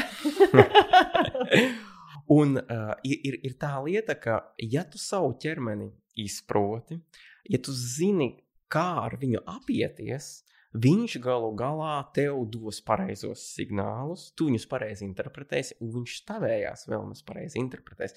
Tas, kas cilvēkiem bieži vien notiek, tas, ka viņi pirmkārt nesaprot savu ķermeni, un otrām kārtām viņi nezina, kā savam ķermenim paprasīt to, ko viņi pa īstam grib. Jo, piemēram, ja tu par savu ķermeni rūpējies, ja tu, ja tu fizi nodarbojies ar fiziskām aktivitātēm, tu veselīgi ēd, tu normāli guli, tavs, tu, tu savu ķermeni kop, viņš ir laimīgs, viņš lieliski funkcionēs. Un jau, jau tad, jau, jau, jau ar to vien tavs ķermenis pēkšņi sāks nu, darboties adekvāti. Nu, piemēram, kādam cilvēkam ir, ah, es ēdu vienalga kā, es vispār netrenējos, es tur bumbulējos pa naktīm. Jā, ķermenis sāks darboties neadekvāti, un tad liks, kā, kā, kādēļ kaut kādas pretrunīgas emocijas, kādā sakarā viņš tur tā, tā, tā arī ir. Tāpēc, ka ar ķermeni kaut kas nav kārtībā, tāpat kā ar to datoru, kuru vajag aiziet salabot. Ja? Viņš, viņš nu, enter, enter, neslēdzas. Ja? Tāpēc, ka tu nerūpējies par savu datoru. Tāpēc pirmais solis, ja tu rūpējies par savu ķermeni, viņš sāks, nu, piemēram, ja tev viss ķermenī ir normāli, tev negribēsies sēdēt un slinkot. Tev, nu, ja, ja tev ir veselīgs, funkcionāls ķermenis, tev gribēsies būt aktīvai visu laiku. Tev visu laiku būs tā enerģija pati no sevis. Tā, man gribās, man gribās, man gribās. Ja? Nebūs šādu problēmu. Un otrām kārtām, otrais moments. Ir tā, ka cilvēki bieži vien ne, nu, viņi grib no ķermeņa kaut ko dabūt, tikai viņi viņam dod pilnīgi nepareizu signālu. Un viņš tā, oh, tu gribi to, lūdzu. Un, un cilvēkam liekas, ka, ak, Dievs, mans ķermenis ir Viņš dzīvo pats savu dzīvi. Es no viņa gribēju šito, viņš man iedeva šito. Īstenībā tu nepareizi paprasīji. Labi, nu tad māci man. Es gribu paprasīt, mācīt pareizi paprasīt savam ķermenim enerģiju. Tā ir galvenā lieta, ko man ikdienā vajag. Nu, kā tad lai es to daru? Tā, nu, ar ko lai sāk? Pirmā lieta - kustības. Jā, ja tu gribi paprasīt ķermenim uh, nu, enerģiju, lai man ir enerģija, enerģija sāc kustēties pēc iespējas vairāk kusties. Staigā, vingro, esi pēc iespējas aktīvāk. Bet tad es noguršu. Nu, tieši otrādi, tāpēc, ka atkal, mū, nu, uh, lai ķermenis justu en, nu, vēlmi tev dot enerģiju, viņam, viņam tas ir apmēram tā kā, nu, tu tagad saki tā, labi, sponsori, lūdzu, dodiet man miljonu. Jā, jā, nu, veselu miljonu, jo man ir tik laba ideja nu, tie sponsori uzreiz prasītu, ok, varbūt tu man lūdzu varētu pierādīt vismaz desmit iemeslus, kur tev to miljonu vajadzēs, un tad mēs iedosim tev to miljonu. Tikai lūdzu, desmit, lūdzu, tik, tik, tik, tik, tik.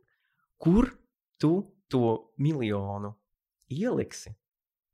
Tāpēc, ka, nu, ja, ja tavs, ja tava atbilde ir iedod miljonu, jo. Uh, Gan jau noderēs. Nu, kaut kur es viņu lietošu. Nekāda miljona, nekāda miljona. Ķermenim ir tāpat. Viņam enerģija ir svarīga lieta. Un, ja tu viņam saki, dod šurp enerģiju, viņš tā, ok, priekš kam? Un, ja tu viņam to vari pierādīt, viņš tev dos to enerģiju kaut vai līdz pasaules galam. Nu, kā es to pierādu? Un, lūk, pirmais pierādījums. Viņš saka, kur? Kustībās. Tu kusties. Viņš, ah, tu daudz kustēsies šodien. Tātad es nevis vienkārši padomāju, es šodien kustēšos, bet man tiešām arī ir jāsāk kustēties. Obligāti. Jā, jā. Nevis padomāt, kustēties. Un viņš uzreiz zina, ah, pirmais čekiņš. Tātad, nu, tev viņam ir jānosauc pēc iespējas vairāki pamatojumi, kādēļ to enerģiju vajadzēs. Bet nevis mutiski jānosauc, bet tikai jādara ļoti skaidri sajūta. Jāpierāda ar darbību. Tas ir, tā, tas ir apmēram tā, kā, zini, piemēram, kā cilvēks tur, es tevi tā mīlu, es tevi tā mīlu. Ja? Un, tu, zini, un laiž pa kreisi. Ja. ja, viņš, ja viņš to saka tikai vārdiski, un viņš tevi neciena, ne, nekad neko ar, ar saviem darbiem nu, ne, nu, neizdara. Tu skaidri zini to, ka viņš vienkārši melo. Ja? Tāpēc, viņš to tikai, nu, nu, nu kā, nu, es tevi mīlu, jo, jo es par to daudz domāju, un nu, vēl es arī to saku. Tikai es neko nedaru. Es neko nedaru. Tas tā kā Dalai Lama ir teicis, ticība ir svarīga, mīlestība ir vēl svarīgāka, un vissvarīgākais ir darbība. Tāpēc, ka pilnīgi pie vienas vietas, cik tu tur mīlestības pilnas domas domā, vai arī cik mīlestības pilnas vārdus tur runā. Ja tu neizpaudi to darbībā, nu nekāds mīlošais cilvēks to neesi. Un mūsu ķermenis, viņš, tāpēc viņš nav stulbs, viņš arī, oh, tu tagad domāsi par to, kā tu tur būsi aktīvs. Nē, viņš grib, o, pirmā lieta, pierādi, esi aktīvs. Otrā lieta, arī milzīga ķermenis nekad nedos tev enerģiju, ja tu nebūsi nostādījusi kaut kādu lielu mērķi, kādēļ tev to enerģiju vajag. Nu, ja tu vienkārši tā, es gribu enerģiju, jo es gribu enerģiju. Nu, bet es jau varu uzstādīt arī tā, piemēram, es gribu enerģiju, jo, nu, kas ir pēdējās lietas, ko dzirdēju dalībnieku sakām, ir, es gribu enerģiju, man vajag māju. Ja es gribu enerģiju, man vajag vienu projektu dabūt gatavu. Bet vai tas obligāti nozīmē, ka tad man uzreiz ir tā enerģija? Uh, lūk, ļoti, ļoti nu, mērķis tiešām ir labs. Tāpēc, ka atkal, tāpat kā tas sponsors, viņš tev to enerģiju dos. Un jo lielāks būs mērķis, jo vairāk viņš tev dos. Tāpēc, kā atkal, piemēram, ja, ja, ja tas mērķis ir, nu, man vajag enerģiju, lai tur, nu, nezinu, tur. Pa pārciņu aizietu. Aizietu pa pārciņu, jā, vai palasītu grāmatu. Nu, kādu tev tur to lielo enerģiju vajag? A, ja tavs mērķis ir, nu, piemēram, nu, grandios, ja es gribu iemācīties stāju uz rokām, ja, vai es tur gribu tur uh, noskriet maratonu, o, tas jau viņam ir, mm, šis ir labs deals, ok, un viņš tev dos. Bet tās bija tādas fiziskas lietas, bet, uh, ja mans mērķis nav saistīts ar to, ka es gribu iemācīties stāvēt uz rokām vai noskriet maratonu, bet ja mans mērķis ir, ka uh, es gribu dabūt gatavu, piemēram, vienu lielu projektu, Uh, vēl tad šeit ļoti noder tieši tas, uh, cik uh, lielā mērogā tu spēj apzināties, cik tas uzlabos tavu dzīvi. Jo atkal, ķermenis jūt to vēlmi dot enerģiju, tad, kad viņš zina, ak, tā, tātad mums vajadzēs mocīties. Ok, vai tu man varētu lūdzu pastāstīt, kā šīs mocības man kompensēsies? Un, un atkal, piemēram, ja tev ir milzīgs projekts, grandios, par kuru tu esi vienkārši excited, tu vienkārši dari, un tu to tikai atkal, tu to nevis domā, tu vienkārši tu, nu, tu, tu to visu savu ķermeni izjūtu. Izjūti, jā, tu to izjūti, ah, ja tev ir tas, bo, tas ir pats pats pats spēcīgākais arī blakus kustībām, ja. Tad, un tad atkal ķermenis. Tātad. Viens ir, es jau ķermenim rādu, es tiešām jau kustos. Darbība, ķermenis jā. redz ļoti skaidri, jā, tur tiešām enerģija tiek patērēta, mums ir jādod enerģija. Bet otrs ir, es arī izjūtu to jēgu. Nevis es tikai zinu, viņu tur kaut kur uz papīra uzrakstīta tā jēga, kam man to vajag, bet es viņu izjūtu to jēgu. Jā. Caur emocijām. Jā. Un ir vēl arī trešais, ļoti, ļoti, ļoti. Um, nu, tāds, kur, kurš daudziem ļoti nepatiks. Jā, es jau jūtu, ka man jau nepatīk. Nu ka ir tāda lieta, un, un viņa attiecas arī uz mani un pat visiem citiem cilvēkiem, kuri vienmēr tur ir motivēti un enerģiski. Tik līdz tu sāksi spēlēt droši un tā, nu, viegli, tavs enerģijas līmenis sakritīsies. Ko, Ko tas nozīmē? Ko tas nozīmē? Uh, ir, uh, ir tāda lieta, lai tu justos enerģiska, tev vajag būt drusciņi nosalušai, drusciņi izsalkušai. Un, nu, tajā pētījumā teica, uh, cilāt svarus, lai gan tas vienkārši domāts, ka tev ir fiziska aktivitāte. Kāpēc? Tāpēc, ka atkal, pirms kam ķermenis izjūt uh, nu, to enerģijas došanas vispār mehānismu. Ja mēs sēžam un mums ir silti, un mums ir ērti, un mums ir labi vienkārši tā, kā tagad ir, tas ķermenis, lai arī, lai arī ko tu gribētu, viņš domās, mums šī tā kā komforts, te, viss ir labi. Tad pirms kam mums to enerģiju vajag? Jo atkal ķermenis viņš saprot tikai vienu valodu no izseniem laikiem. Ja ir komforts, mērķis ir sasniegts, viss, tev nevajag enerģiju. Mēs varam iet gulēt, viss. Ja. Ja viņš jūt, ka Laurai ir augsti, vajag kaut kādā veidā viņu dabūt no šejienes ārā, viņš tev puf, iedos enerģiju, tāpēc ka tev ir augsti. Viņš nē, nē, nē, ja. nedrīkst ļaut Laurai nosaukt tu esi izsalkusi, tu neesi pēdis. Viņš, mm, Laura tik ilgi nav ēdusi. Es nedrīkstu pieļaut to, ka viņai nav enerģijas, jo viņai jāatrod tā pārtika. Ja? Vai kaut kā, oh, Laurai tagad ir nērti, šī pozīcija ir tik nērta, oi, sāpes pat, ja, pat sāpes. Ja? Tev būs super daudz enerģijas. Tāpēc, ka atkal ķermenis jūt vēlmi dot enerģiju tikai tad, kad tu esi diskomfortā izsalkums, augstums, sāpes, fiziska slodze. Viņš tev dos enerģiju. Klausies, man ir liela problēma ar šo punktu. Man ir riebis augstums, labi, es eju augstajās peldēs, bet tas ir kaut kas cits. Es tur eju dēļ kaifa. Bet uh, man tā, teiksim, ikdienā, ja man ir jādzīvo augstā telpā, man tas ļoti, ļoti tracina.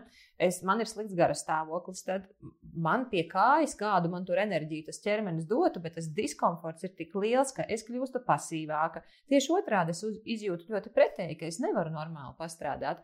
Ja es esmu bišķiņi izsalkusi, nu, tiešām ļoti, ļoti bišķiņi. Ja es mm. esmu riktīgi izsalkusi, es esmu bīstams cilvēks, mans vīrs ir bīstams cilvēks, bērni vispār ir neciešami, kad viņi ir, kad viņi ir izsalkuši. Līdz ar to, tad, kad tu saki nu, šīs lietas, ka tas ķermenis dos enerģiju, priekš kā man enerģija, ja es tajā brīdī esmu neciešams cilvēks. Nu, jā, šis tu ļoti pareizi lietu pateici, ja tas ir pārmērīgi apjomā. Es arī, piemēram, ciest nevaru augstumu, tur es tevi pilnībā saprotu.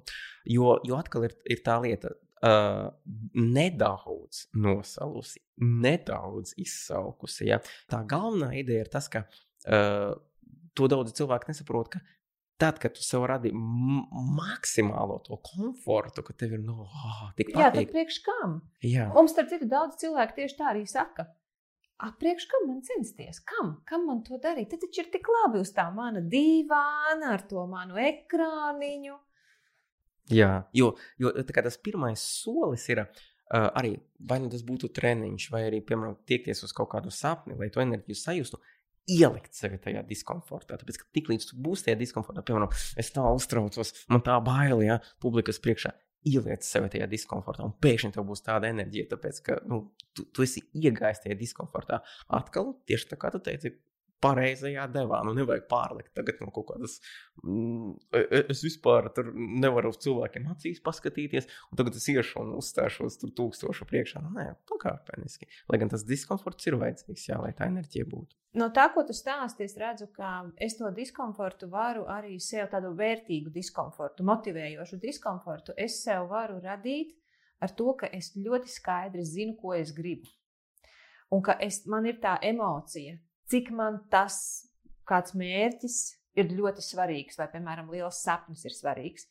Varbūt tas nav tā, ka man ir augsts un es tur esmu bišķiņi izbadējusies, bet man to, to diskomfortu es izjūtu no šīs vēlmes dabūt kaut ko gatavu, no tās apņēmības, ka es to dabūšu gatavu. Man vēl nav risinājumu, es nezinu kā.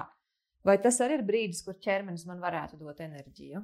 Viennozīmīgi. Tāpēc, ka galu galā dzīvē viss ir tikai par plusu un mīnusu jautājumu. Uh, galu galā, piemēram, nu es, es bieži izmantoju šo domu eksperimentu. Nu, cilvēks saka, ah, man ir motivācijas trūkums un tā. Nu, bieži vien uh, Kaut, kaut kā, piemēram, tad, kad uh, vajag, piemēram, pelnīt daudz naudas, ja, un, piemēram, cilvēks tur, piemēram, strādā darbu, kurš viņam varbūt pat nepatīk, ļoti stresainu un neveselīgu darbu, tie pašā laikā viņam labi maksā, viņš kaut kā var katru dienu iet un strādāt. Ja. Ar ķermeni, piemēram, ja, bieži vien ir tā, ka, ak, Dievs, es tā gribētu tur tos klučus, ja, Runa ir par veļas dēli uz vēdera. Jā, jā tos kubikus, es tā viņus gribu. Mm. Tajā pašā laikā nu, es nevaru piespiesties iet un trenēties un, un ievērot veselīgu diētu.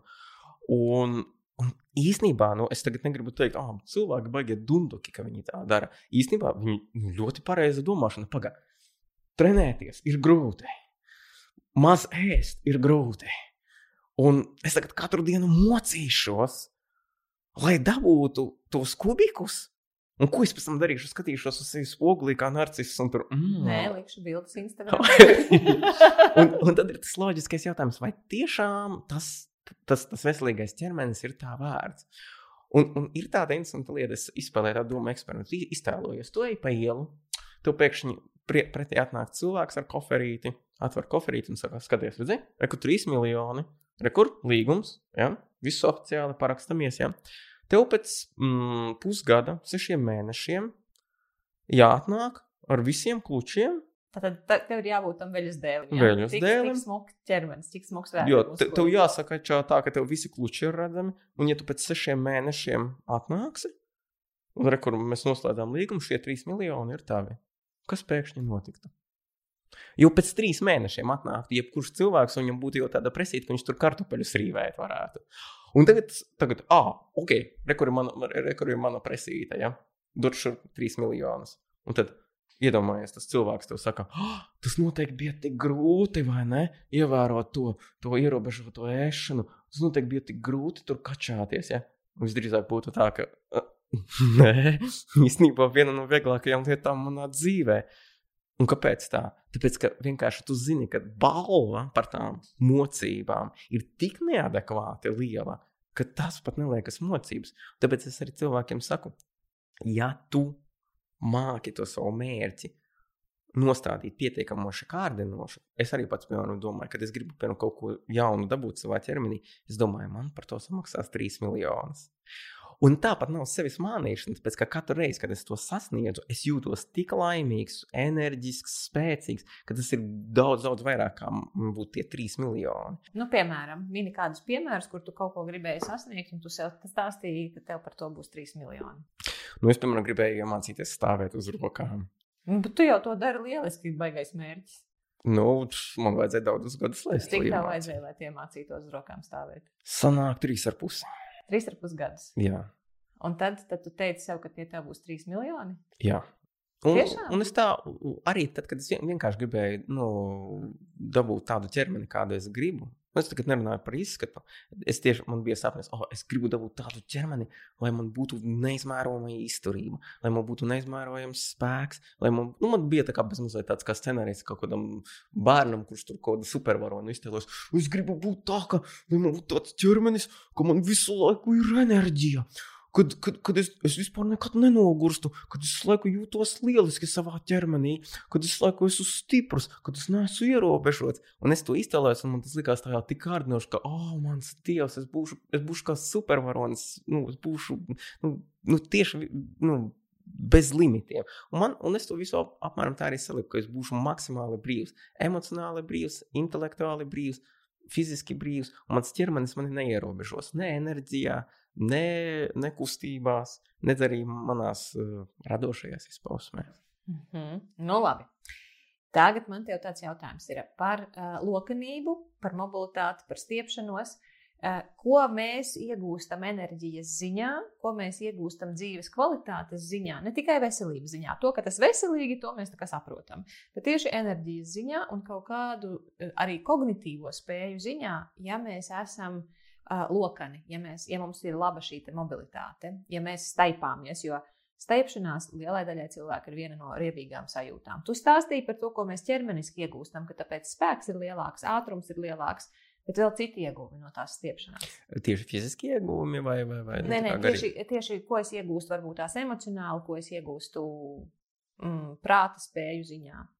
Uh, nu, attiecībā tieši uz lokanību, jā, kā jau es pirms tam minēju, tas iekšējais miers, tās pozitīvās emocijas. Tev ir izstiepts ķermenis, tu spēj visu laiku justies iekšēji mierīgs, mierīgi. Tevi, tevi tā teikt, uh, citi apstākļi ļoti maz ietekmē.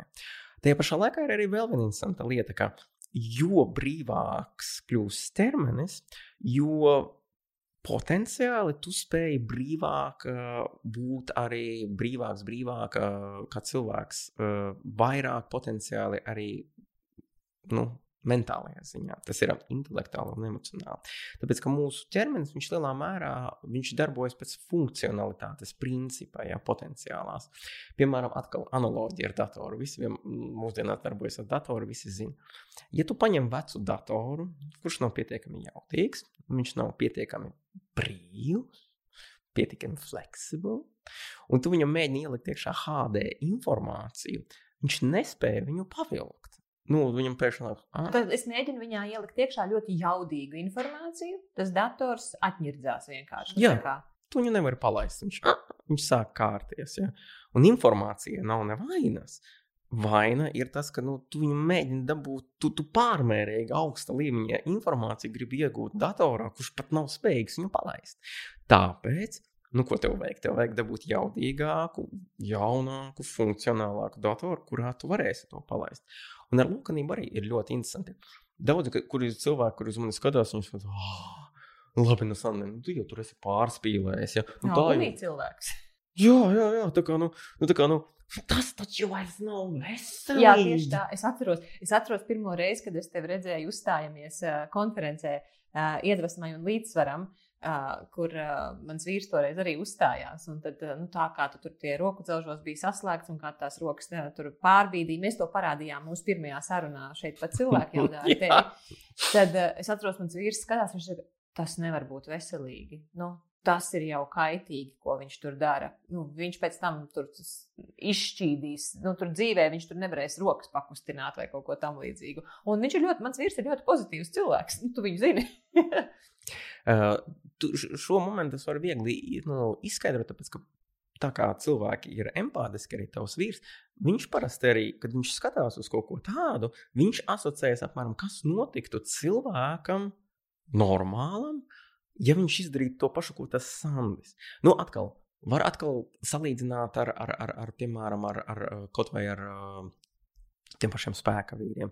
Ir cilvēki, kuri tur var pacelt tur 500. Ja? Un tagad, ja, kā, ja, ja mēs skatāmies, skatāmies, nu, piemēram, mēs ar tevi skatāmies, es tā, Laura, tu redzēji, tas tur pacēla 500. Ja? Nu, tas taču nav normāli. Un... Ja, jā, viņš pēc tam par to dārgi samaksās. Viņš... Viņam būs veselības sabrukums kaut kādā brīdī. Varbūt tagad nē, bet uz vecumdienām noteikti. Tieši tā. Un atkal, tāpēc, ka mēs izējām no nu, nu, normāla kauli to ne, neizturētu, normāli muskuļi to neizturētu. Tikai rekords lielākais joks. Tam cilvēkam ir pilnīgi savādāks ķermenis kā mums. Viņam ir nesakreiz stiprāki kauli, nesakreiz stiprāki muskuļi, kuri to var, nu, tāpat kā mums sēdēt. Un tāpat arī, piemēram, skatoties uz mani, ir tā, ka, oh, Dievs, tas Sanders jau tur dara nu, pārdabiskas lietas. Jā, citiem tas tā būtu. Tikai tam Sandim jau pa tiem 12 gadiem ir izveidojies pilnīgi cita tipa ķermenis, kuram jau pilnīgi citādākie likumi strādā. Un atgriežoties pie tās tēmas par to, par to potenciālu, uh, par, par, par datoru tā lieta. Uh, datorā, jā, ja tev ir jaudīgs dators, tu viņā var ielikt iekšā to HD informāciju. Un tad, kad, piemēram, tu cilvēks skatās, oh, mans dievs, tas Sandis, viņš, viņš tur dara kaut kādas šitādas lietas, tas, tas jau kāds faķīrisms, ja? ne kaut kāda hipermobilitāte neveselīga. Un, un, un, un vispār tas ir kaut kāds. Uh, iemesls, kādēļ es to daru, tāpēc, ka es ļoti labi pamanīju to, ka jo lokanāks es kļūstu, jo brīvāks un neierobežotāks es kļūstu savā ķermenī, jo neierobežotākas pēkšņi paliek arī manas prāta spējas, mana emocionālā paškontrole, ka, mana, ka manas uh, mentālās spējas līdztekus tam, tam līdz ko paplašinās ķermenim tās iespējas, viņas paliek brīvākas. Tā pilnīgi sakarīgi, arī mentālās spējas paliek aizvien lielākas. Un to es izskaidroju kā, ka līdz ko tu attīsti jaudīgāku, brīvāku datoru, ar kuru tu vari izdarīt tās pārcilvēciskās lietas, pēkšņi potenciāli, ja pat tavs mērķis ir intelektuāli, emocionāli, mentāli attīstīties, pēkšņi ar to uzlaboto datoru, to ārkārtīgi lokano ķermeni, pēkšņi tu tur vari realizēt daudz augstāka līmeņa mentālās spējas. Mm -hmm. Viena lieta, par ko mēs vēl neesam runājuši, ir līdzsvars. Tieši ķermenisks līdzsvars. Ko man tas dod enerģijas ziņā, manas jaudas ziņā, ja es savā ķermenī attīstu šo līdzsvaru spēju? Līdzsvara spēja ir ļoti, ļoti svarīga. Tāpēc, ka... tas, tas būtu balansēšana tur uz vienas kājas, vai ne? Ja man tur kaut kādos, nu, kur man var izšūpot, kur es tā varbūt gāstos, bet es noturu līdzsvaru. Tātad, kas, ko es tāpēc saņemu? Līdzsvara pozas, nu arī tas, tas, tas pat uh, nav no jogas vai mans viedoklis, var pat anatomijas grāmatā paskatīties, jo labāks līdzsvars uz vienas kājas, jo lēnāk tu noveco. Kā, kāds tam sakars ar novecošanu? Tur nevajag sapriecāties ar tā, ka hmm, tagad, ja es tur balansēšu uz virves, es tur dzīvošu mūzīgi. Nu, kaut kādus septiņus gadus apmēram jaunības tur ir pielikt klāt. Un tā daudz. Nu, forši, jā. Nu, forši, vai ne? Un tas ir viena lieta, jā, novecošanas process notiek lēnāk.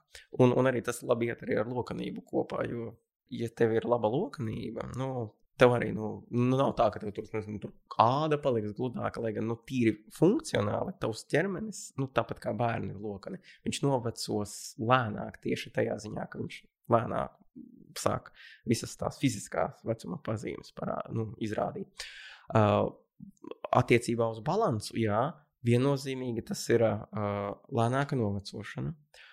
Ļoti palīdz fokusam, tāpēc ka atkal, uh, tad, kad tu balansē vienalga uz vienas kājas vai uz rokām, ka tu turi balansu, tu esi spiesta būt šeit un tagad. Tā kā tu, tu, tu nevari domāt par kaut ko citu, tu nevari just kaut ko citu vai darīt. Tev vajag darīt vienu un to pašu, domāt tieši to pašu, just tieši to pašu un būt šeit un tagad.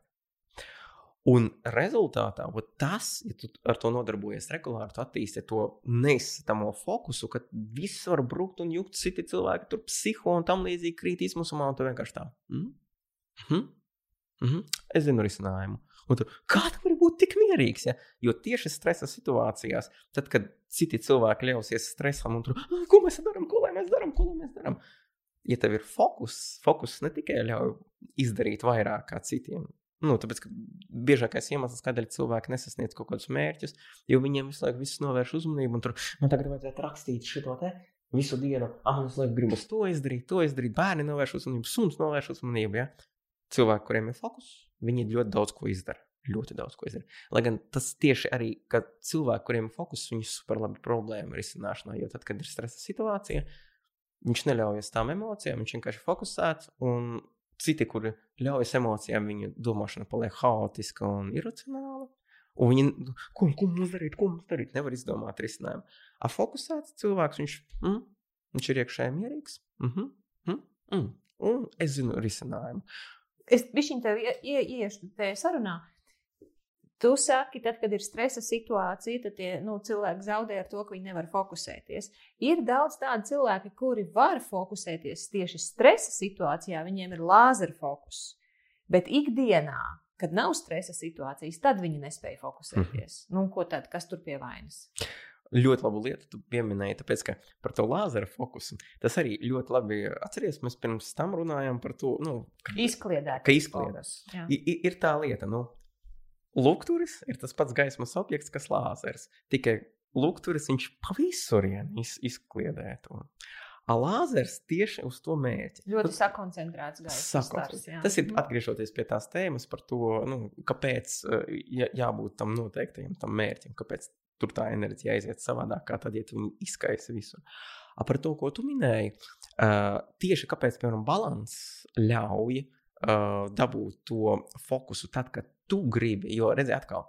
Uh, tas, ko tu minēji, tas ir situācija, tad, kad nu, nu, tev vajag būt fokusētai. Tāpēc, ka, ja tu nebūsi fokusēta, nu, vienkārši. Jā, jā. jā, un tad tā nav baigā māksla. Tas ir apmēram tā, redziet, es nemaz nezogu, jo es sēžu cietumā. Es nemaz nezogu. Protams, ka tu nezodzi. ka tu nemaz savādāk nevari. Tev ir piespiedu apstākļi. Un cilvēki viņi vienmēr meklē, kā, piemēram, tos piespiedu apstākļus, lai, piemēram, būtu fokusēti. Tas parasti ir vieglākais ceļš. Tas, kā tu teici, ot, ka es gribu tagad būt fokusēts. Ja? Nu, kas man jādara, lai es esmu tagad fokusēta? Tad, kad man neelpo pakausī termiņš, tad, kad nu, man nedabūšu par īkli, nu, kad man vienkārši ir lēnām, mierīgi jāstrādā uz priekšu. Ir tik grūti piedabūt sevi to darīt. Lūk, tieši šeit arī ieslēdzas tas mehānisms ar to balansu. Tāpēc, ka tad, ja tu esi daudz darījusi balansa pozas, tu iemācies šo spēju. Nu, tev, tev, tev, e, dažādas emocijas, viņas traucē tev. Nu, Noturēt to balansu. Tev ārēji apstākļi traucē, ja tur varbūt kaut kādas paklājas un tam līdzīgi. Un tu Dēļ tā, ka tu simtiem reižu esi to balansu atgūsi, atgūsi, neskatoties uz, uz savām emocijām, neskatoties uz ārējiem apstākļiem. Tev uztrenējas tā spēja, to fokusu dabūt tad, kad tu gribi, nevis pateicoties kaut kādiem ārējiem apstākļiem. Tāpēc, jā, atbildot uz tavu jautājumu, balansa pozas, ja tu visu laiku e, esi izkopis to balansu, tu nemanāmi uztrenē to spēju arī visur citur dzīvē, dabūt to fokusu. Un ir vēl viens moments, ko es jau uzreiz pieminēju, uh, balansa pozas. Uz, piemēram, uz vienas kājas viņas ir visdrošāk arī garantija arī iekšējam mieram, līdzīgi tā kā lokanība. Tāpēc, ka tad, kad tu turi balansu, tu atkal tu iemācies būt nosvērta par spīti tam, ka tev traucē daudz kas. Un, un, un tas tāpēc arī līdzsvars uz vienas kājas, jaunība, fokus, iekšējais miers. Uh mhm. -huh. Labi. Kas ir ar to spēku? Jo mēs ar tevi runājām daudz par lokanību, bet mēs nerunājām, kāpēc tad ir vajadzīgs spēcīgs ķermenis. Jo tagad izklausās, labi, es stāvēšu uz vienas kājas, nu tad arī uz otras kājas, uh, tad es staipīšos, Uh, kas mums tur vēl bija? Kaut kas vēl viens bija. Nu, labi, bet kas ar to spēku? Ar spēku ir tāda lieta. Spēks viennozīmīgi ir vajadzīgs. Tāpēc, ka atkal pie sievietēm, vīriešiem vienalga. Tāpēc, ka atkal pie katra no šīm lietām pilda kaut kādu fizioloģisku funkciju. Tas sāksim jau ar to, ja tev ir lokans ķermenis, jā, tu būsi, tu būsi nu, brīva, tev būs viegli turēt veselīgu stāju. Jā. Mm, ja, ja tev ir uh, konkrēti balanss labs, ko es vēl nepaspēju pateikt, nu, tīri no fizioloģiskā viedokļa, bieži vien saka to mistisko tekstu, tev vajag, nu, ne, nav nekāda labuma no tiem klučiem, jā, vai no tā, ka tu tur baigi tur uzkačāts ķermenis, jā. Tev vajag, nu, to dziļāko muskulatūru, jā. Un kas ir taisnība, ja tev ir dziļākā muskulatūra, tad tieši dziļākā muskulatūra tur mugurkaula, tas ir tas, kas, nu, satur jā, tevi. Un balansa pozas, viņas attīsta to dziļāko muskulatūru. Un... Tātad, tad, kad es uh, jogā, piemēram, bet es ceru, ka ir arī citi sporta veidi, protams, kur protams. var attīstīt šo balansu sajūtu. Tad, kad es to praktizēju, tas trenē manu iekšējo muskulatūru. Viennozīmīgi. Ja, tas, kas saucās ko, kora muskulatūra. Kora, jā, mm -hmm. jā. Tāpēc, ka, tāpēc, ka atkal ir, ir tāda lieta, ka tev var būt satrenēti visi tie nu, tā saucamie šaubu muskuļi, izrādīšanās muskuļi, tur paskaties, kas pa karkasu. Ja? Tajā pašā laikā iekšā cilvēks var būt mīksts kā vate. Un, un tas arī tas ot, iemesls, kādēļ piemēram, cilvēks nu, ir uztrenēts, viņš šitā ja, sēž, tāpēc, ka viņam nav stabilizējošie muskuļi. A stabilizējošie muskuļi uztrenējas tikai un vienīgi ar, ar, ar balansa pozām, piemēram, stāvēt uz vienas uh, kājas, vai arī tas pats planks. Nu, visur, kur tu turi to stabilitāti, jo, jo dziļākā muskultūra viņa pat nav redzama. Viņa ir aiz redzamajiem muskuļiem, nu, saucas transversus abdominus, kā, kā korsetējiet. Ja. Un, un viņa ir tā, kas atbild par to, vai tev mugurkauls turēsies labi, vai tev nebūs muguras lejasdaļas problēmas, muguras augšdaļas problēmas, visas šīs jaukās lietas. Tāpēc fizioloģiski arī vot tev jaunība. Ja, nu, kā tu bez tā iekšējā satura nu, vispār varēsi normāli funkcionēt. Tu uzdevi jautājumu par to spēku. Bieži vien cilvēki, tad, kad viņi paklausās šīs lietas, liekas, wow, ideāli! Es stiepšos, stiepšos, stiepšos un turēšu balansu, un mana dzīve būs perfekta, jo man būs visas šīs lietas, es jutīšos kolosāli. Tur, diemžēl, ir viens, nu, diemžēl, vai drīzāk sakot, par laimi, viens moments. Ja tu tikai stiepies, stiepies, tāpat kā ar jebkuru pārmērību, ir noteikta robeža, ka tev būs kaut kas negatīvs. Ja, ja cilvēks laiku stiepjas, stiepjas, jā, viņš būs aizvien mierīgāks, mierīgāks, mierīgāks, relaksētāks, relaksētāks. Un, ja tu tikai stiepies, tad galu galā tas pāraugs tādā nu, jau vienaldzībā. Tā, ka, nu, mēs sarunājām, intervijā, jā, es teicu, ka es atnākšu, nu, es nokavēju tur. divas stundas. Nu, tu esi labs cilvēks, taču man nevar pagaidīt, mēs taču draugi esam. Tā, ja. Un cilvēks paliek nu, tāds, zini, nu, nu, viņš, viņš paliek, nu, kā es teiktu, pārmērīgi filozofisks. Ja. Tas nav labi. Ja.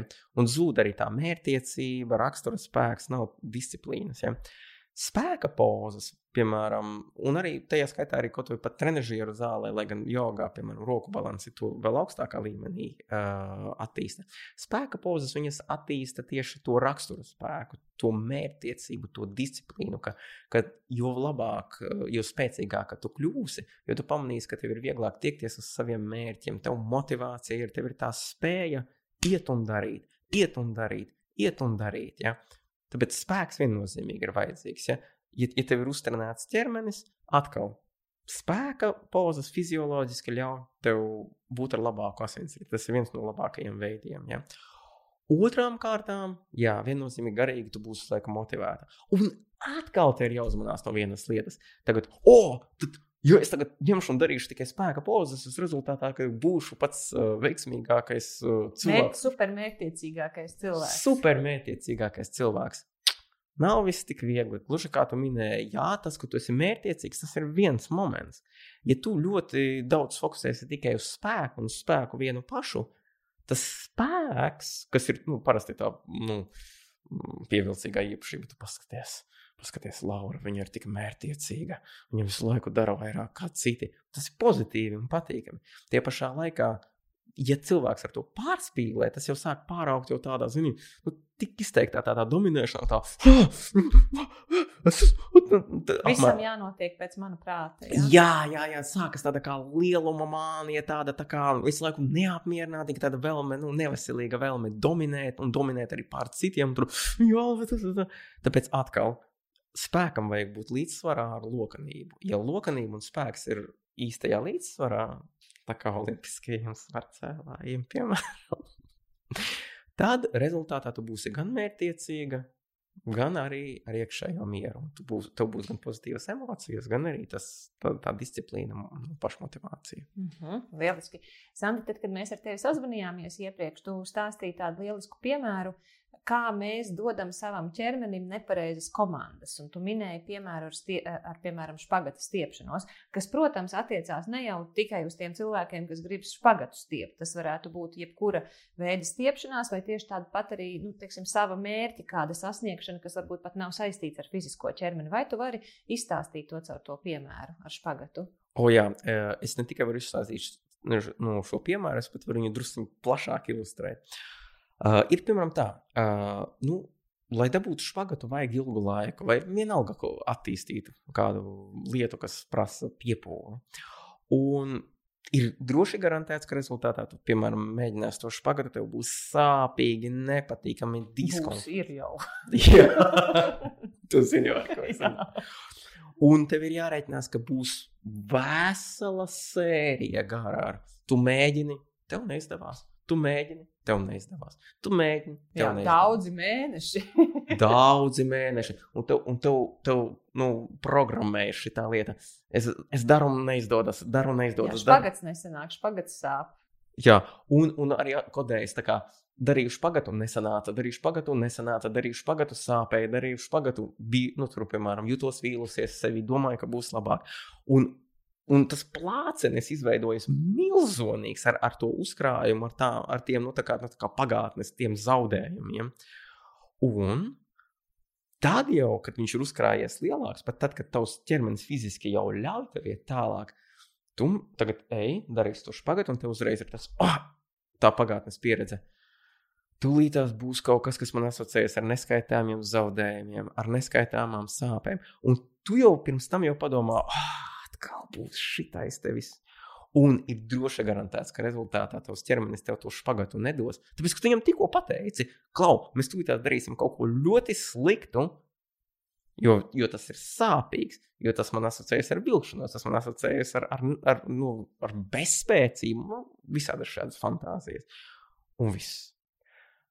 Ja tu esi pietiekami gudra, tad tu māki saprast to, ka tavam ķermenim, nu, tāpat kā, kā jebkuram cilvēkam, ja tu no viņa kaut ko gribi, tev vajag dot pozitīvu stimulāciju, kādēļ tas izdevīgi tev un man.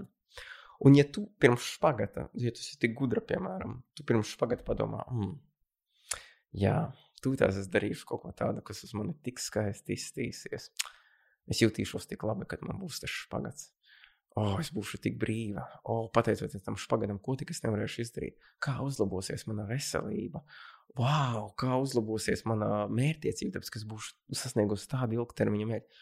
Un tu pēkšņi uztaisi to plāceni milzīgu ar tām pozitīvām asociācijām. Tavs ķermenis tā, oh, wow, mēs darīsim šo visforšāko lietu uz pasaules, kas mums dos tik daudz labumu, nu, tāpat kā tie sponsori. Tu tikko viņam nosauci desmit iemeslus, kādēļ špagats, kādēļ tev ir vērts dot špagatu. Viņš tā, lūdzu, lūdzu. Nu, bet nav jau tā, ka es uzreiz varētu ar to motivāciju iesaisties tajā špagatā, ja man tur vēl liels gabals ir. Bet tas sanāk, mans ķermenis ir vairāk sadarboties spējīgāks. Ja? Jā, tāpēc, Un ka... man mazliet varbūt padodas vairāk. Jā, viņ, viņš tev dos vairāk. Nu, kaut kādas 30%, tāpēc, ka tu viņam tikko pierādīji, ka tas, ko tu darīsi, ir kaut kas vērtīgs, un tev nav tas negatīvais nosacījuma refleks, ka mēs tūlītās iesim darīt kaut ko, kas ir briesmīgs. Un viņš tā, ja jau mēs ejam darīt briesmīgu, tad viņš tev atņemtu, ja, ja tu viņam dod to negatīvo, nu, to pirmo scenāriju, ja, tad viņš uzreiz viņš tev atņems gan enerģiju, gan motivāciju, gan fokusu. Un tu, un tu to spagātu stieps, un tev it kā liekas, tu stiep, un, tev, un, un tu jūti,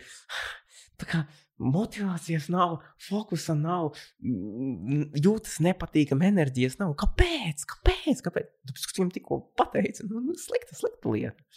Un tādā plašākā mērogā, ja tu prasīji, kā tas ietekmēs, ja tas, piemēram, nav tas pats spagats. Ja? Nu, ir, nu, tā ir baigta gara tēma, es mēģināšu ļoti īsi pateikt.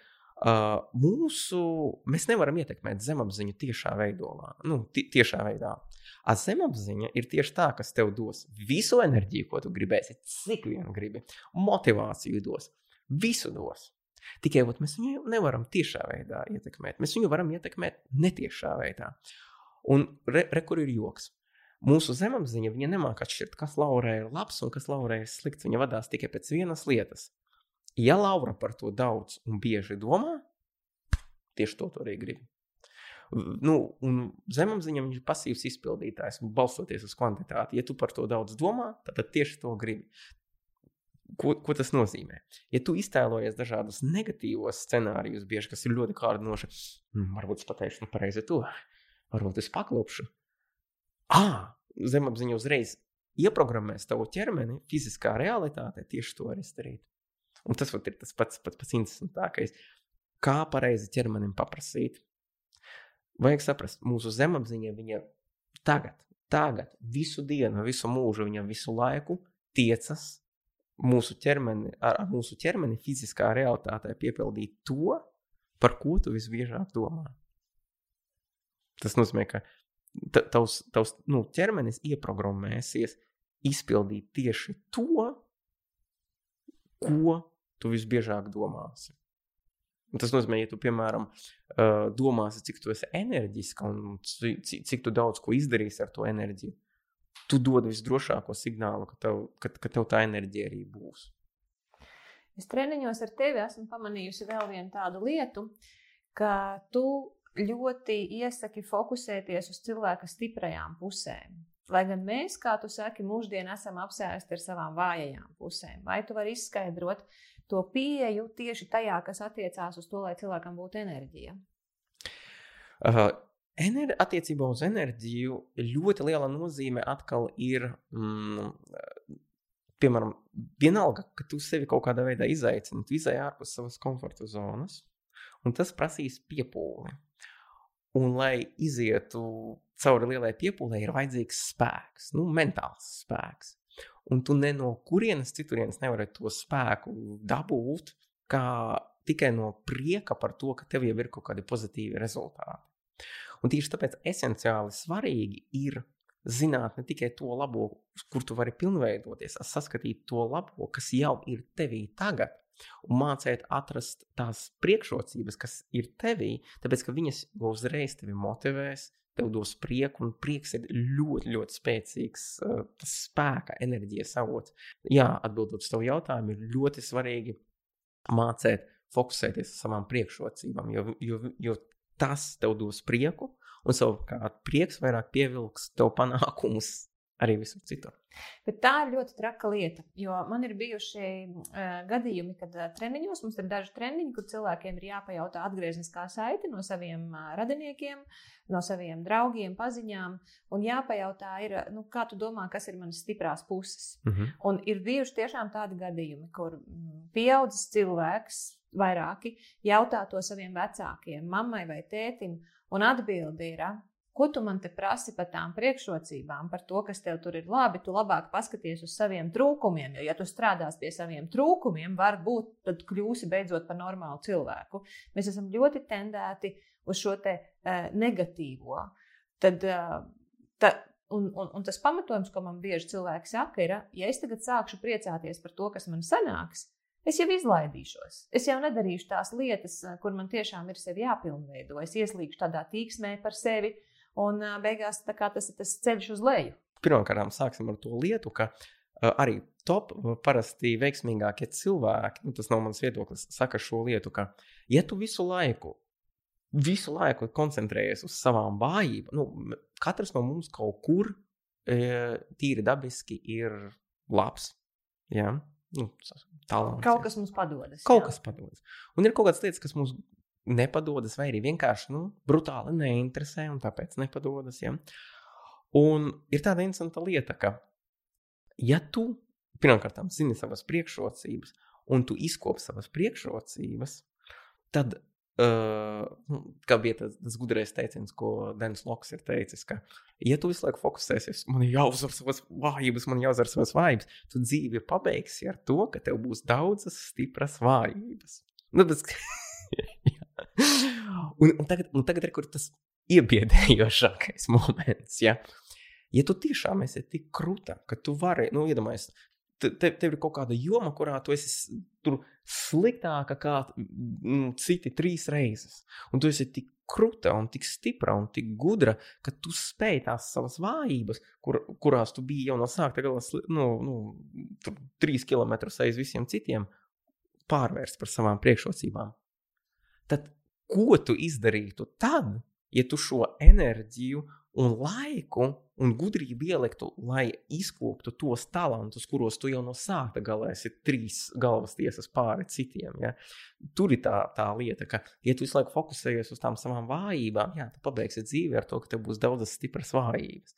Savukārt, ja tu zini, kas ir tavas priekšrocības un ieliec to savu spēku, gudrību tajās priekšrocībās un izkop viņus līdz, līdz augstākajam līmenim. Tad tu sasniegsi to diženumu, un, un ļoti iespējams būs kaut kādā jomā vienkārši nu, nepārspējama. E, tas, ko es gribu ar tevi runāt, ir par, um, par uh, to, ka mūsu ķermenis ir viltīgs, viltīgs un gudrs vienlaicīgi, bet pirms tam es esmu novērojusi, ka, piemēram, ir cilvēki, kuriem ļoti labi sanāk stiepšanās, un tad viņi tikai stiepjas, viņi neko citu nedara. Tad ir kačaki kuriem ļoti patīk kačāties, ja, jo viņi var pacelt ar vien lielāku svaru, ar vien lielāku svaru, un viņi iet uz zāli un viņi tikai kačājās. Uh, jo tas, ko tu tikko teici par priekšrocībām, nu kā, nu tā jau ir tā viņa priekšrocība. Tad, mm -hmm. tad viņi attīstīs tikai tālāk savu priekšrocību. Nu, tad jau viņi saskaņā ar to, ko tu tikko teici, ir baigie uzvarētāji. Um, tu jā, pareizi pateici, jā, ka redzi, uh, attiecībā uz, uz to priekšrocību. Ja, uh, tev nu, arī īstenībā tas princips, apmēram tas 80 un 20 procenti. Ja? Jā, tas ir nenoliedzami, ka arī, arī šajās jomās tev būs kaut kāda prioritāte, un tu viņu zināsi. Un ir kaut kādas lietas, piemēram, arī kaut vai tāpat kā tas spēks un lokanība, ja, kur tev to otru vajag balansam. Es nevienā mirklī nesaku, ka nevajag strādāt pie savām vājībām. Pie savām vājībām vajag strādāt. Vienīgais, ko es gribu teikt, ka tikpat ļoti kā strādā ar savām vājībām, vēl vairāk izkop savas priekšrocības, jo tad, kad tu viņas izkopsi, tev būs vairāk prieka. Dēļ tā prieka tev būs vairāk spēka un enerģijas tikt galā ar tām vājībām, kuras tev, piemēram, nedod mieru. Jo atkal, ja tās ir kaut kādas vājības, kur, kur citi saka, klau, to, to, man, man nepatīk, ka tev ir šitais te. Tas ir viens. Savukārt, ja tā tiešām ir vājība, kuru tu gribi uzvarēt, tev jau tikai ir izdevīgāk, ka tu, protams, attīstīsi savas prioritātes, gūsi prieku no tā, un šis prieks tev palīdzēs, dos spēku tikt galā ar tām savām vājībām. Mm -hmm. Nu, labi. Tad ķeramies tagad klāt viltīgajam ķermenim. Jo es esmu treniņos pamanījusi, ka ir tādas reizes, kad tu saki, ok, man šodien ir pavisam citādāka programma, jo mums vajag nu, kā, nevis apmuļķot, bet pārspēt viltībā to, ko darīs ķermenis. Kas mums pirmkārt ir jāzina, kas ir tās ķermeņa viltības, kas mums nav izdevīgas, ja mēs viņus nepazīstam. Nu, viena no lietām, ko cilvēki bieži vien uzskata par ķermeni, ka piemēram, ķermenis pēc dabas ir slings, jā, un tā.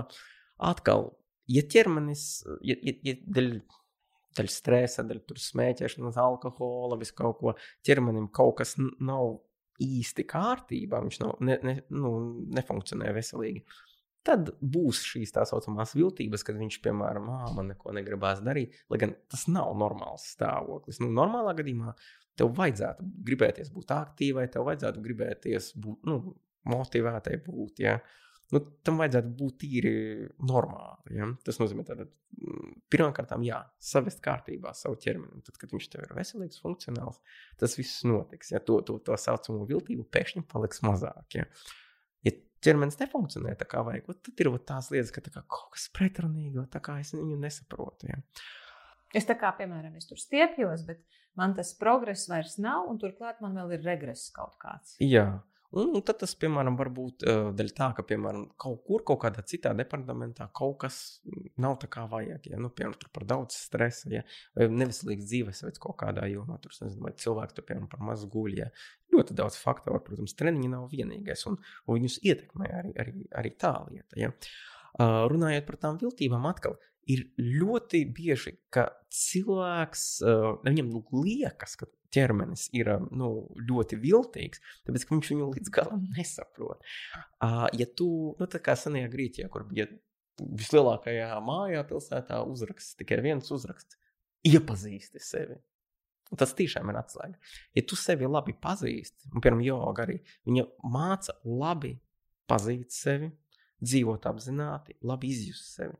Un, ja tu labi sevi izjūti, tev pēkšņi ķermenis nav ne, nekāds viltīgs. Tev viņš liekas ļoti loģisks, ļoti racionāls. Tāpēc, ka tu zini, kāpēc viņš to dara, kā, kā, kāpēc tas, tas, tas. Tur tā lieta, ķermenis nav viltīgs. Viņš sāka likties viltīgs tad, kad viņ, viņš nav veselīgs. Vai arī, ja viņš ir veselīgs, viņš tev tik un tā liekas viltīgs, tad visdrīzāk, nu, vajag stiprāk sevi iepazīt, un tu redzēsi, ka viņš, nu, viņš ļoti, ļoti, ļoti precīzi saliekas pa plauktiņiem. Mhm.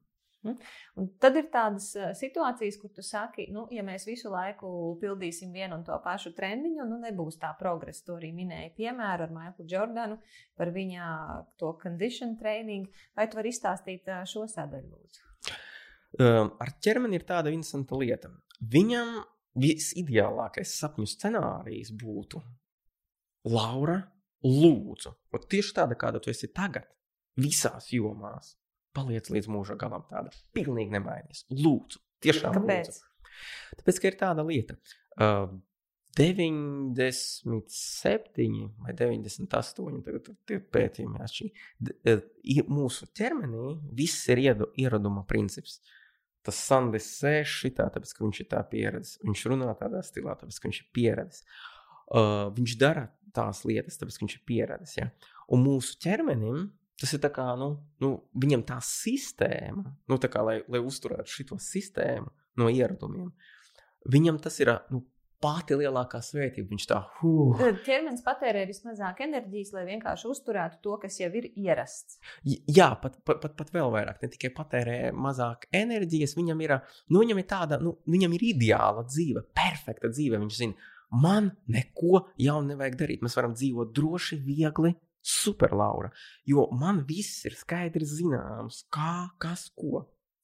Tiklīdz to viņam saka, es gribu nokristies svarā, viņam ir. Oh, Dievs, un, un, un tas mums tā liekas, nu es nokritīšu svarā. Viņam vajag visu pārformēt sistēmu. Nu, iedomājieties, tas tā kā tu, piemēram, esi mājā, un tev ir kolosāla māja, viss, viss tev tik perfekti, ot, salikts loģiski, viss darbojas, ot, kaut tā palikta mūžīgi. Un tad pēkšņi tu saki, visu šo te gāžam nost, taisam pa jaunam. Un tur tā. Bet kas tu jūties prātā? Kas ar tevi ir? Mums reku viss ir ideāli, viss skaidrs, saprotams un normāli. Un tagad tu man saki, nojauksim visu šo un taisīsim pa jaunam. Kas man nosprāgties pārpūles, ja? un mūsu ķermenim, viņam mainīties, viņam, tas, viņam tas ir šausmīgi, šausmīgi grūts, šausmīgi nu, tāds pretīgs process, ilgs, grūts. Viņam tur vajag visus tur neironus pār, pārtransformēt, visu tur, visu. Ja?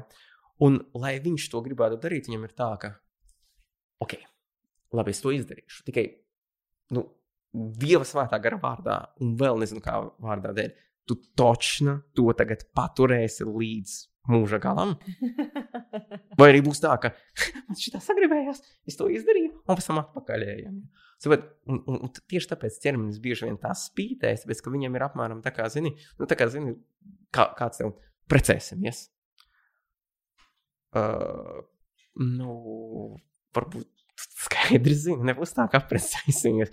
Un pēc tam izšķirsimies, un viss jau mums tur sataisīts, jau, jau bērni un māja, un, un viss kopīgie plāni, un tagad pēkšņi šķiramies. Ai, es pārdomāju, ja. Mums ķermenim tieši tāpat, tu viņam dod signālu, es gribu to špagatu. Viņam, viņam tas ir mil, viņam tas tā kā izveidot jaunu bērnu, ja, vai uztaisīt jaunu māju, un, un tagad nedod Dievs tu to beigsi darīt, un mums atkal viss tur pa vecam, mums bruks un jūks. Tas attiecas uz fizisko ķermeni. Ja tu dabūtu to špagatu, kā taisīt jaunu ģimeni, kā taisīt jaunu māju.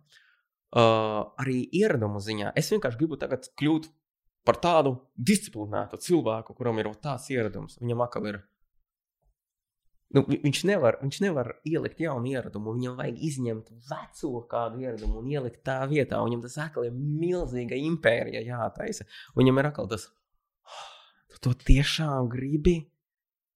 Un, un tāpēc arī, piemēram, to špagatu ir tik grūti dabūt, tāpēc, ka viņam, viņam ir tā kā, nu, atkal tā kā tos sponsors, viņš tā, Nu, ja tu to gribi, es to izdarīšu tevis dēļ. Tikai lūdzu, simtiem reižu vismaz pierādi, simtiem reižu lūdzu pierādi, ka tu to pa īstam gribi.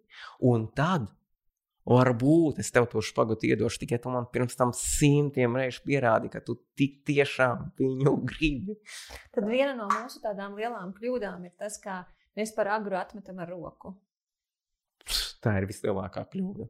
Viss, viss, viss. Jo, jo mums liekas, ah, nu, man nesanāk, aizvakar nesanāca, vakar nesanāca, šodien nesanāca. Skaidra zīme, tas nav man lemts, tas nav mans, jo, ja tas būtu mans, tad man sanāktu. Viennozīmīgi. Šī ir tāda top, top, top, top lielākā problēma. Tā nepacietība. Tāpēc, ka ķermenim viņam, viņam, viņš visu balsta uz to pakāpenisko progresiju. Un viņš visu sa viņš saprot tikai vienu valodu, to adaptāciju. Ja, ja tu viņam, uh, ja, ja tu vienkārši, nu, e, e, es gribu tādu skaistu ķermeni, viņam ir pieškām. Ja, ja, ja tu viņam vari pierādīt, nu, es ar to skaisto ķermeni darīšu kaut kādas īpašas lietas. Ja, un mums viņš ir vajadzīgs, lūk, tam, tam, tam, tam. Tad viņam ir, o, šitais darījums jau sāk izklausīties jau tāds pamatots. Ja. Tur, tur ir tā lieta. Tieši tāpēc viņam ar, arī tas pakāpeniskuma princips ir tik ekstrēmi svarīgs, ja? jo atkal adaptācija. Mūsu ķermenis attīstījies tomēr evolūcijas laikā, un viņš saprot tikai to vienu valodu. Šis te, mums, tad tu man gribi pateikt, ka ja mēs dabūsim to špagatu, tad tas kaut kādā veidā mums kā palīdzēs labāk izdzīvot. Ja? Nu, viņš tikai tik primitīvi to domā. Un, ja tu viņam vari pierādīt, ka jā, tas špagats man palīdzēs uzlabot dzīvi. Ja? Man dzīve paliks drošāka, brīvāka, es tur būšu mazāk ievainojams. To viņš tā jā, izklausās, ka tas varētu mums nu, palīdzēt izdzīvot. Labi, darīsim. Bet ne ar vienu reizi. Ar, jā, jā, jā. Viņa teica, simtiem reižu tev tas ir jāpierāda. Jā, adaptācija. Simtiem reižu jāpierāda tas, ka tas, ka tas ir vajadzīgs. Jo atkal, tā lieta, kas mums arī ir pazudusi no senčiem, tā ir adaptācijas spēja. Jo, kā es cilvēkiem saku, nu, tev var būt visdižākais talants uz pasaules. Tev var būt visdižākās zināšanas. Tas neko tev nedod. Nu, neko tev nedod. Tāpēc, ka dzīvē ir neparedzama. Un tikai tad, ja tev ir šī viena kvalitāte, adaptācijas spējas, tad, tā ir tā visdrošākā garantija, kas tev ļaus visur dzīvē uzvarēt. Tāpēc, ka tās adaptācijas spējas ir spēja vienmēr just kā likt lietā savas zināšanas un prasmes tieši konkrētajā situācijā. Un tas ir tas, kas mums no evolūcijas ir, ir bijis visu laiku.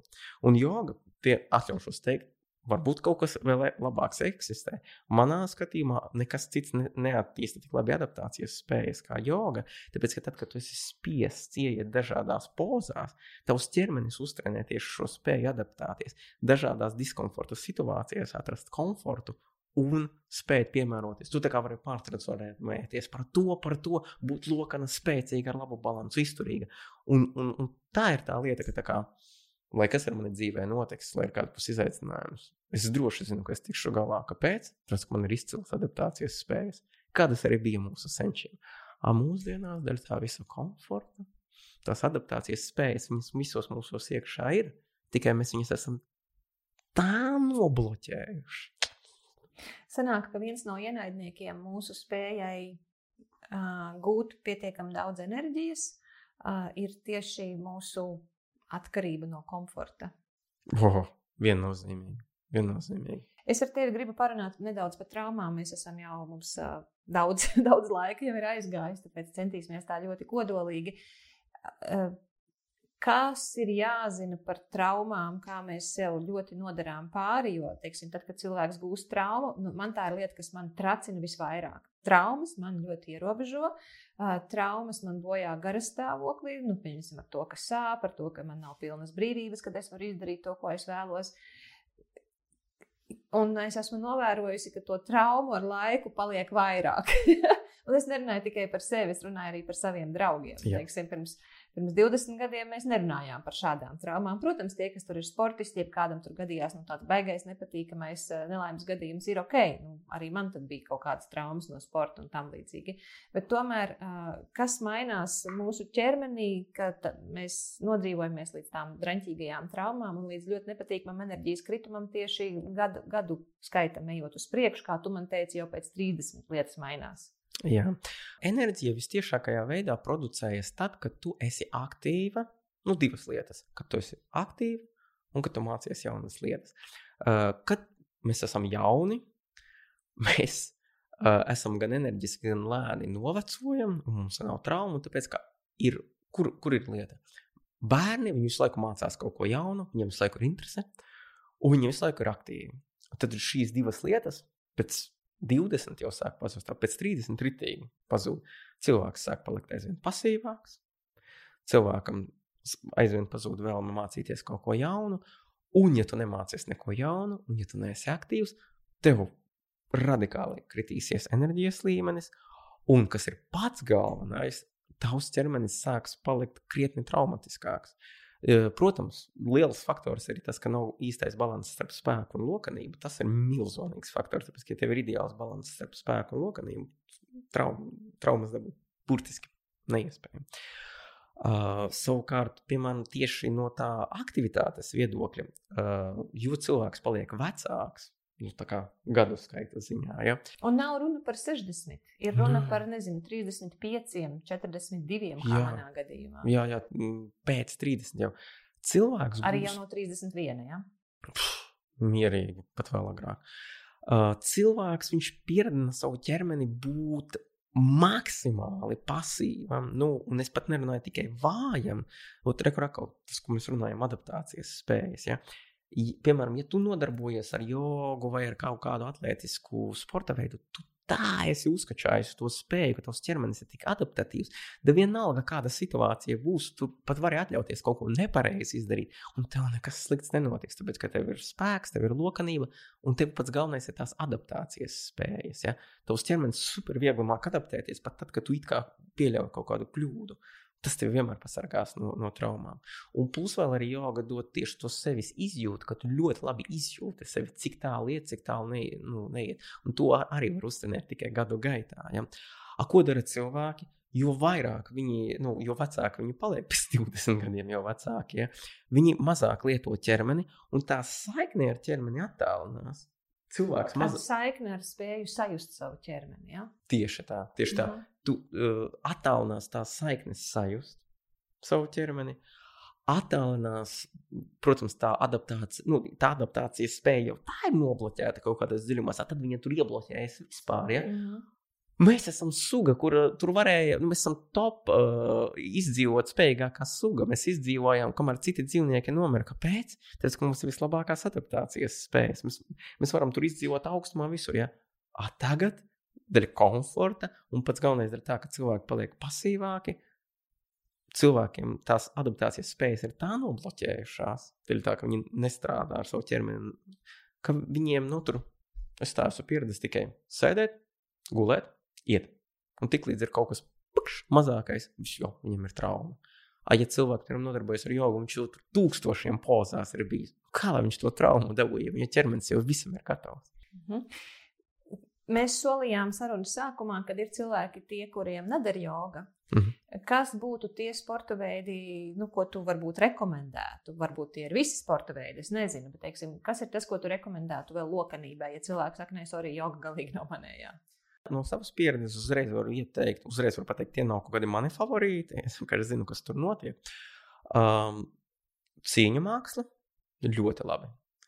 Un dejošana. Nu, tikai tāda atletiska dejošana. Ja. Šie divi būtu paši, paši efektīvākie. Lai gan uh, jebkas, kurā ir ietvertas šīs četras lietas, ka tur ir lokanība, ja, stiepšanās, gan aktīva lokanība, nu, tas, ka tu kustībā izmanto lokanību, gan pasīva lokanība, kad tu stiepies. Tad četri komponenti - lokanība, spēks. Tas, par ko mēs uh, nerunājām, tas ir izturība, nu, kardioslode un balanss. Ja? Nu, izturība nu, konkrēti tas ir tāpēc, ka tas ir vajadzīgs sirdī konkrēti. Ja, ja, ja, piemēram, ja tu trenējies, tikai nu, kačājies un stiepies un nu, balansu dari, tas ir labi. Tikai nu, Jā, tev būs spēcīgs ķermenis, tu ilgi būsi jauna, tev, tev būs uh, laba, nu, ah, tieši tā, nebūs laba asinsriņa. Tev, tev būs nu, uh, laba stāja un tā. Tikai, ja nav izturības slodzes, ja, un arī, piemēram, modernajās jogas sistēmās, jau par jogu teicu, nu, tur nav kardio, tur nav izturības. Nu, Par laimi, modernajās jogas sistēmās jau ir. Tāpēc, ka, ja tev nav izturības slodzes, tad tava sirds nebūs stipra ja sirds nav stipra, tad kas? Viņa ātrāk nolietosies, mēs ātrāk nomirsim. Un pats galvenais, ko es gribēju pateikt tieši uz attiecībā uz izturību, ja, tu, ne, ja, ja, ja tavā fiziskajā aktivitātē nav iekļauta izturība, tā vai citā veidā, tava sirds viņa, nu, viņa nekļūs stiprāka. A, ja, ja, ja tu daudz nodarbojies ar izturības sportiem, ja, vai vienkārši. Nu, piemēram, cilvēks ir tikai skrējējis, ja, tad tas ir labs kardio. Nu, viņš tikai Ideāli. skrien, tad, bet tikai skrien. Jā, uh, ja viņš skrien, tad uh, kardio viņš trenē sirdi. Tavs sirds burtiski paliek lielāka un stiprāka. Tas ir vissvarīgākais muskulis cilvēka ķermenī. Un, ja tev ir sirds stipra, tad ko tas nozīmē? Tev būs laba asinsrite, Tas ir droši garantēts. Tas nozīmē, ka tev būs tiešām daudz enerģijas, un tas ir milzīga priekšrocība. Diemžēl, ja tev ir tikai izturība, un tu, piemēram, neveltīji laiku spēka treniņam, tad, protams, tev būs, nu, tev, tev ķermenis ātrāk nu, nolietosies, Tev, ja tu ne, nestiepies, tev nebūs veselīga stāja, būs muguras problēmas. Un, ja nav balansa, tad būs arī, protams, arī, nu, dažādas arī gan novecošanas pazīmes ātrāk, gan psihi, nu, psiholoģiskas problēmas. Tāpēc ir vajadzīgi šie visi - balans, spēks, lokanība un uh, izturība. Ja, ja šie četri komponenti ir, tad tā fiziskā aktivitāte, ar kuru tu nodarbojies, ir lieliska.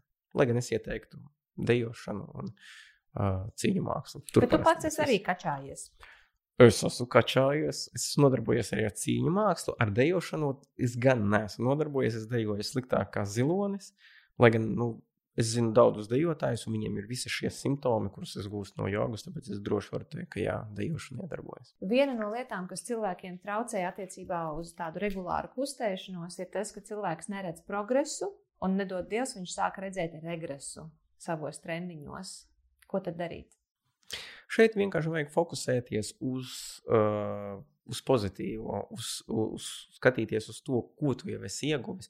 Un pats galvenais būt pacietīgam. Tāpēc tā galvenā lieta, ko cilvēki nevar saprast, nu, lai tu iegūtu augstāku izglītību, tu nevari viņu iegūt dažos mēnešos. Tev vajag četrus gadus, sešus gadus. Visi taču to zina. Ja? Kad, vai kaut piemēram, lai es neesmu biznesmenis, un pat es zinu to, ka, piemēram, lai tu uh, izveidotu veiksmīgu biznesu, nu tev vajag tos 4 līdz 6 arī gadus. Ja? Un tad rekrutā lieta, progress, regress. Tas, tas pats ir arī izglītībā, vai, vai, vai pat biznesā. Ja? Un tur cilvēki to saprot. Jā, nu, es taisu savu biznesu, un gadiem viņš tur nu, nobrūk, līdz viņš beidzot sanāk. Ja? Vajag vienkārši būt pacietīgam. Un ar ķermeni, ja tu gribi iegūt, te, te, te, kā tu gribi kļūt par profesionāli kaut kādā jomā, tev jāsamierinās ar to, ka tev ilgi vajadzēs. Ja? Tāpat arī ar ķermeni, ja gribi kļūt profesionālis ķermeņa kontrolē, nu, tev ir jātiek pāri tam, ka būs regress. Un tad tev arī vajadzēs tos 4, 6 gadus, līdz tu sajutīsi to patiešām īsto. Kā tu, kā tu uzturi motivāciju, vai kā tu palīdzi saviem skolniekiem brīžos, kad viņiem sāk zust motivācija, jo viņi neredz to progresu vairāk? Es parasti skolniekiem saviem pasaku, nu, padomā, padomā pats. Tu vari ieguldīt savu enerģiju savā mājā, savā darbā. Tu vari ieguldīt pat savā ģimenē. Un visas šīs lietas, tava ģimene, tava māja, tavs darbs, Viņi kaut kad būs kopā ar tevi, kaut kad nebūs. Tas nozīmē, ka, ja tev ir kolosāli draugi, viņi tev nesīs labumu, tad, kad viņi būs kopā ar tevi. Ja? Vienīgā lieta, kas tev nesīs labumu no rīta līdz vakaram, katru dienu, visu dienu, ir viss, ko tu ieguldīsi savā ķermenī. Jo tavs ķermenis būs ar tevi visu laiku. Tas nozīmē, ka viss labais, ko tu izdarīsi savam ķermenim, ka tu parūpēsies, lai viņš ir veselīgs, enerģisks, ja? uh, skaists, viņš tev nesīs labumu no rīta līdz vakaram. Tad vai tas tiešām nemotivē? Vai tas tiešām nav visizdevīgākais ieguldījums, kādu vien var dabūt? Lieta, kas tev dos labumu no rīta līdz vakaram. Katru dienu, visu dienu, visu mūžu. Cik ilgi ir jāstrādā ar savu ķermeni, lai ķermenis sāktu pakļauties cilvēkam? Tas ir tieši tas, ko es apmēram minēju. Dažiem labiem tas ir ātrāk, dažiem labiem ilgāk. Parasti tas, ja tu gribi īstu kontroli, tas ir 4 līdz 6 gadi, kad tu sāksi just patiešām tādu acīm redzamu. Tā tad nepadoties pirms tam četriem līdz sešiem. Oh, tas būtu pats trakākais. Tieši tāpat kā ar biznesu, piemēram. Tu, tu vari 4, 6 gadus cīnīties, tev visi biznesi nojūka. Kā daudz, piemēram, nu, biznesmeņi saka, 20 biznesi nojūka, un tad 21. sanāca. Un tas man prasīja 3 līdz 5 gadus. Mm. Tas pats ar ķermeni. Pats, pats vērtīgākais bizness. Cik liela ir sakarība starp cilvēka pašapziņu un to, kāds viņam ir ķermenis? No savas pieredzes varu teikt, ka ļoti, ļoti, ļoti liela un ka tas ir pamatu pamats, tāpēc ka tomēr tu no rīta celies, tu skaties uz sevi spogulī. Tu ar savu ķermeni visu, tu visu laiku viņu jūti. Vai viņš ir noguris, vai viņš ir enerģisks. Tu, tu, tu jūti, kā, kā tavs ķermenis spēj pielāgoties, adaptēties, cik viņš brīvs jūties tu savu ķermeni atkal jūti no rīta līdz vakaram, katru dienu, visu dienu. Un tad, ja tu esi par, parūpējies par ķermeni, ka tev patīk tas, ko tu redzi spogulī, tev patīk, kā tu jūties, tev patīk, ko tu vari izdarīt ar savu ķermeni, tev, tev ir vienkārši droši garantēts, ka rezultātā tev būs veselīga pašapziņa. Jo tu, tu, tu, tu nevari neizjust veselīgu pašapziņu, ja tā lieta, kas ar tevi ir no, kopā visu laiku, tev visu laiku iepriecina un sagādā tieši to, ko tu gribi. Jā, bet tas ir, ja cilvēkam ir ves veselīga domāšana. Ja ir jau tādi cilvēki, kas trenējās, trenējās, un viņi izskatās lieliski, bet viņi joprojām nav apmierināti ar sevi. Nu, te ir atkal moments par to spēju dzīvot apzināti un uh, sevi labi izjust. Jo es tik daudz redzu, kad es piemēram cilvēkam saku, wow, klau! A tev īstenībā ļoti labi padodas šis, vai, piemēram, tev labi izskatās šis, un cilvēkam tā reakcija - jā! Un, un es vienkārši esmu šokēts. Tā. Viņš tiešām to nav pamanījis un neapzinās. Tāpēc atkal mūsu dzīvē ir simtiem priekšrocību attiecībā uz mūsu ķermeni. Tikai ir lielākais joks, ja tu to neapzinājies un neizjūti. Ne tev, ne taviem tuviniekiem no tā labuma nav. Tātad bez tā, ka mēs sportojam, mēs kustamies, veselīgi kustamies, ievērojam šīs četras lietas - spēku, lokanību, izturību, līdzsvaru, mums ir svarīgi arī trenēt savu spēju apzināties sevi šeit un tagad, šajā brīdī. Simtprocentīgi tas ir pats svarīgākais. Tāpēc, ka, ja tu sevi, uh, ja tu jogā ir divas lietas, pašas galvenās, tu vari pārkāpt jebkuru likumu, tikai ne šos divus. Pirmais likums - dzīvot apzināti, un otrais likums - vienmēr justies brīvam savā ķermenī, domās un emocijās. Un tāpēc šis ir pats pats svarīgākais ja nu, galvenais, ko joga tev var dot, ir tieši to apziņotības sajūtu, ka tu pa dienu izdari simtiem lietu, un tu apzinājies gan savas domas, gan savas emocijas, gan savu ķermeni pilnībā. Un tas ir tas laimes avots. Un ko nozīmē būt brīvam savā ķermenī? Ka tu jūties savā ķermenī, tā kā savā mājās. Ir daudziem cilvēkiem, ka viņš jūtas savā ķermenī, un viņš nejūtās brīvs. Viņam liekas, ka viņa ķermenis valda pār viņu. Ka, ka tā kā, oh, nē, mans ķermenis mani neklausa, mans ķermenis neskatās tā, kā es gribu, man nav enerģijas.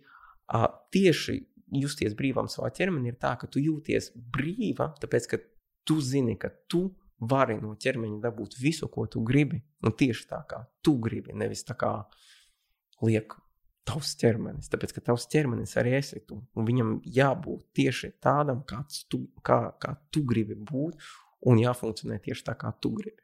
Tā, mīļie, es lūdzu jūsu palīdzību un izaicinu jūs pozitīvā nozīmē, vairāk kā palīdzību man Sūtiet savus jautājumus, ko man vēl uzdot Sandim. Jo nu, viņš te, te sastāstīja, mums visu kaut ko sasolīja. Ļoti labas, ļoti vērtīgas lietas, bet man nav nekas pretī viņu pamušīt daudz nopietnāk ar jūsu jautājumiem.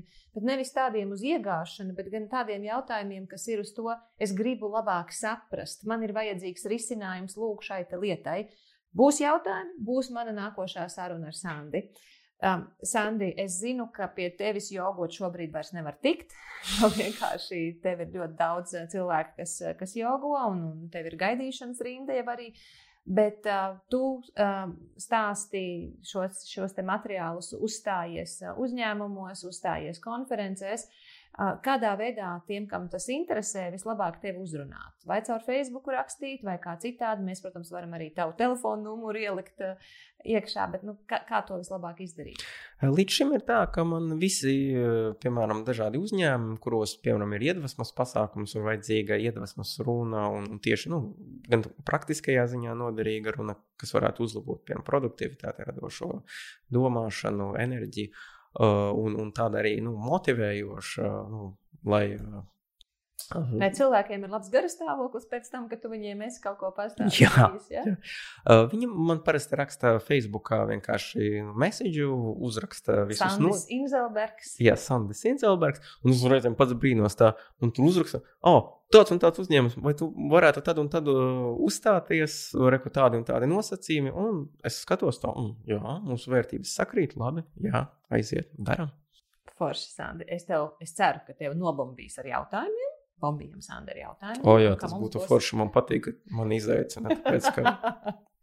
Tas es, vienmēr ir. Kā, man ir viņam jāatriebjās. Mums ar Mišelu ir iesauka Sandrija. Mums bija vairākas, bet nu, tā pēdējā, tā pēc mūsu domām, vispiemērotākā mēs viņu par sandistu saucam. Tā kā dod jautājumus, lai es varu viņam atdot atpakaļ visu, ko viņš mums ir licis izjust caur vaidām un elsām. Sviedriem, un manā gadījumā šorīt pat asarām. Es stiepu špagatu, man asaras bija. Sandi, liels paldies! paldies, Laura! Un atkal es ar savu aicinājumu tev palīdzu mums izveidot superīgāko cilvēku jaudas svinamo simto epizodi, padaloties ar savu stāstu, kā tu praktiski izmantoji kaut ko, vai varbūt aizķērās kāda frāze no cilvēka jaudā dzirdētā, un kaut kas bija citādāk dzīvē. Varbūt kaut kas bija foršāk, varbūt kaut kas bija dziļāk, varbūt tāpēc bija kāda laba saruna ar kādu no savējiem. Varbūt, ka tu rīkojies citādāk nekā parasti un konstatēji, oh, wow, man patīk, man man noderēja. Mūsu auditorijā joprojām ir daudz cilvēku, kuri nav spējuši vai varbūt pat nespēs noklausīties visas epizodes, bet tavs stāstītājs par konkrētu epizodi un kāda tās ietekme bija tavā ikdienā vai tavā dzīvē, var vēl kādu iedrošināt tikt pie pieredzes no mūsu viesiem, kas arī šim cilvēkam var forši noderēt. Jebkurš formāts, kurš tev ir ērts, video sūti uz info at ugunsskola.lv, divi es pa vidu. Audio var ierunāt tepat tajā vietnē, kas ir norādīta tepat ar saiti uh, simtā epizode, vai arī ieraksti to anketā, kas ir turpat pie simtās, simtās epizodes. Un tad, ja stāsts ir tāds, kas iedarās mūsu simtajā epizodē, es to arī nolasīšu. Uh, tiem, kas ierunās audio, es no sevis personīgi apsolos, ka, ja būs tavs e-pasts ielikts, tas ir tikai manai zināšanai, es tev aizsūtīšu pretī savu audio, audio ziņu, kā minimums ar paldies par to, ka tu ierunāji savējo. Es ļoti, es ļoti ceru, ka mūsu cilvēku jaudas auditorija un tu visi kopā esam tādi cilvēki, kas tiešām rīkojas un var pārvarēt mums, latviešiem, raksturīgo, ai, nu ko tad es, lai jau tie citi. Un ka mēs tiešām varam izveidot vienu riktīgi svinīgu un kārtīgi iedvesmojošu, varbūt rēcīgu, varbūt dziļu, varbūt nopietnu, nezinu kādu, bet zinu, ka īstu simto svētku epizodi. Paldies, ka tu to dari!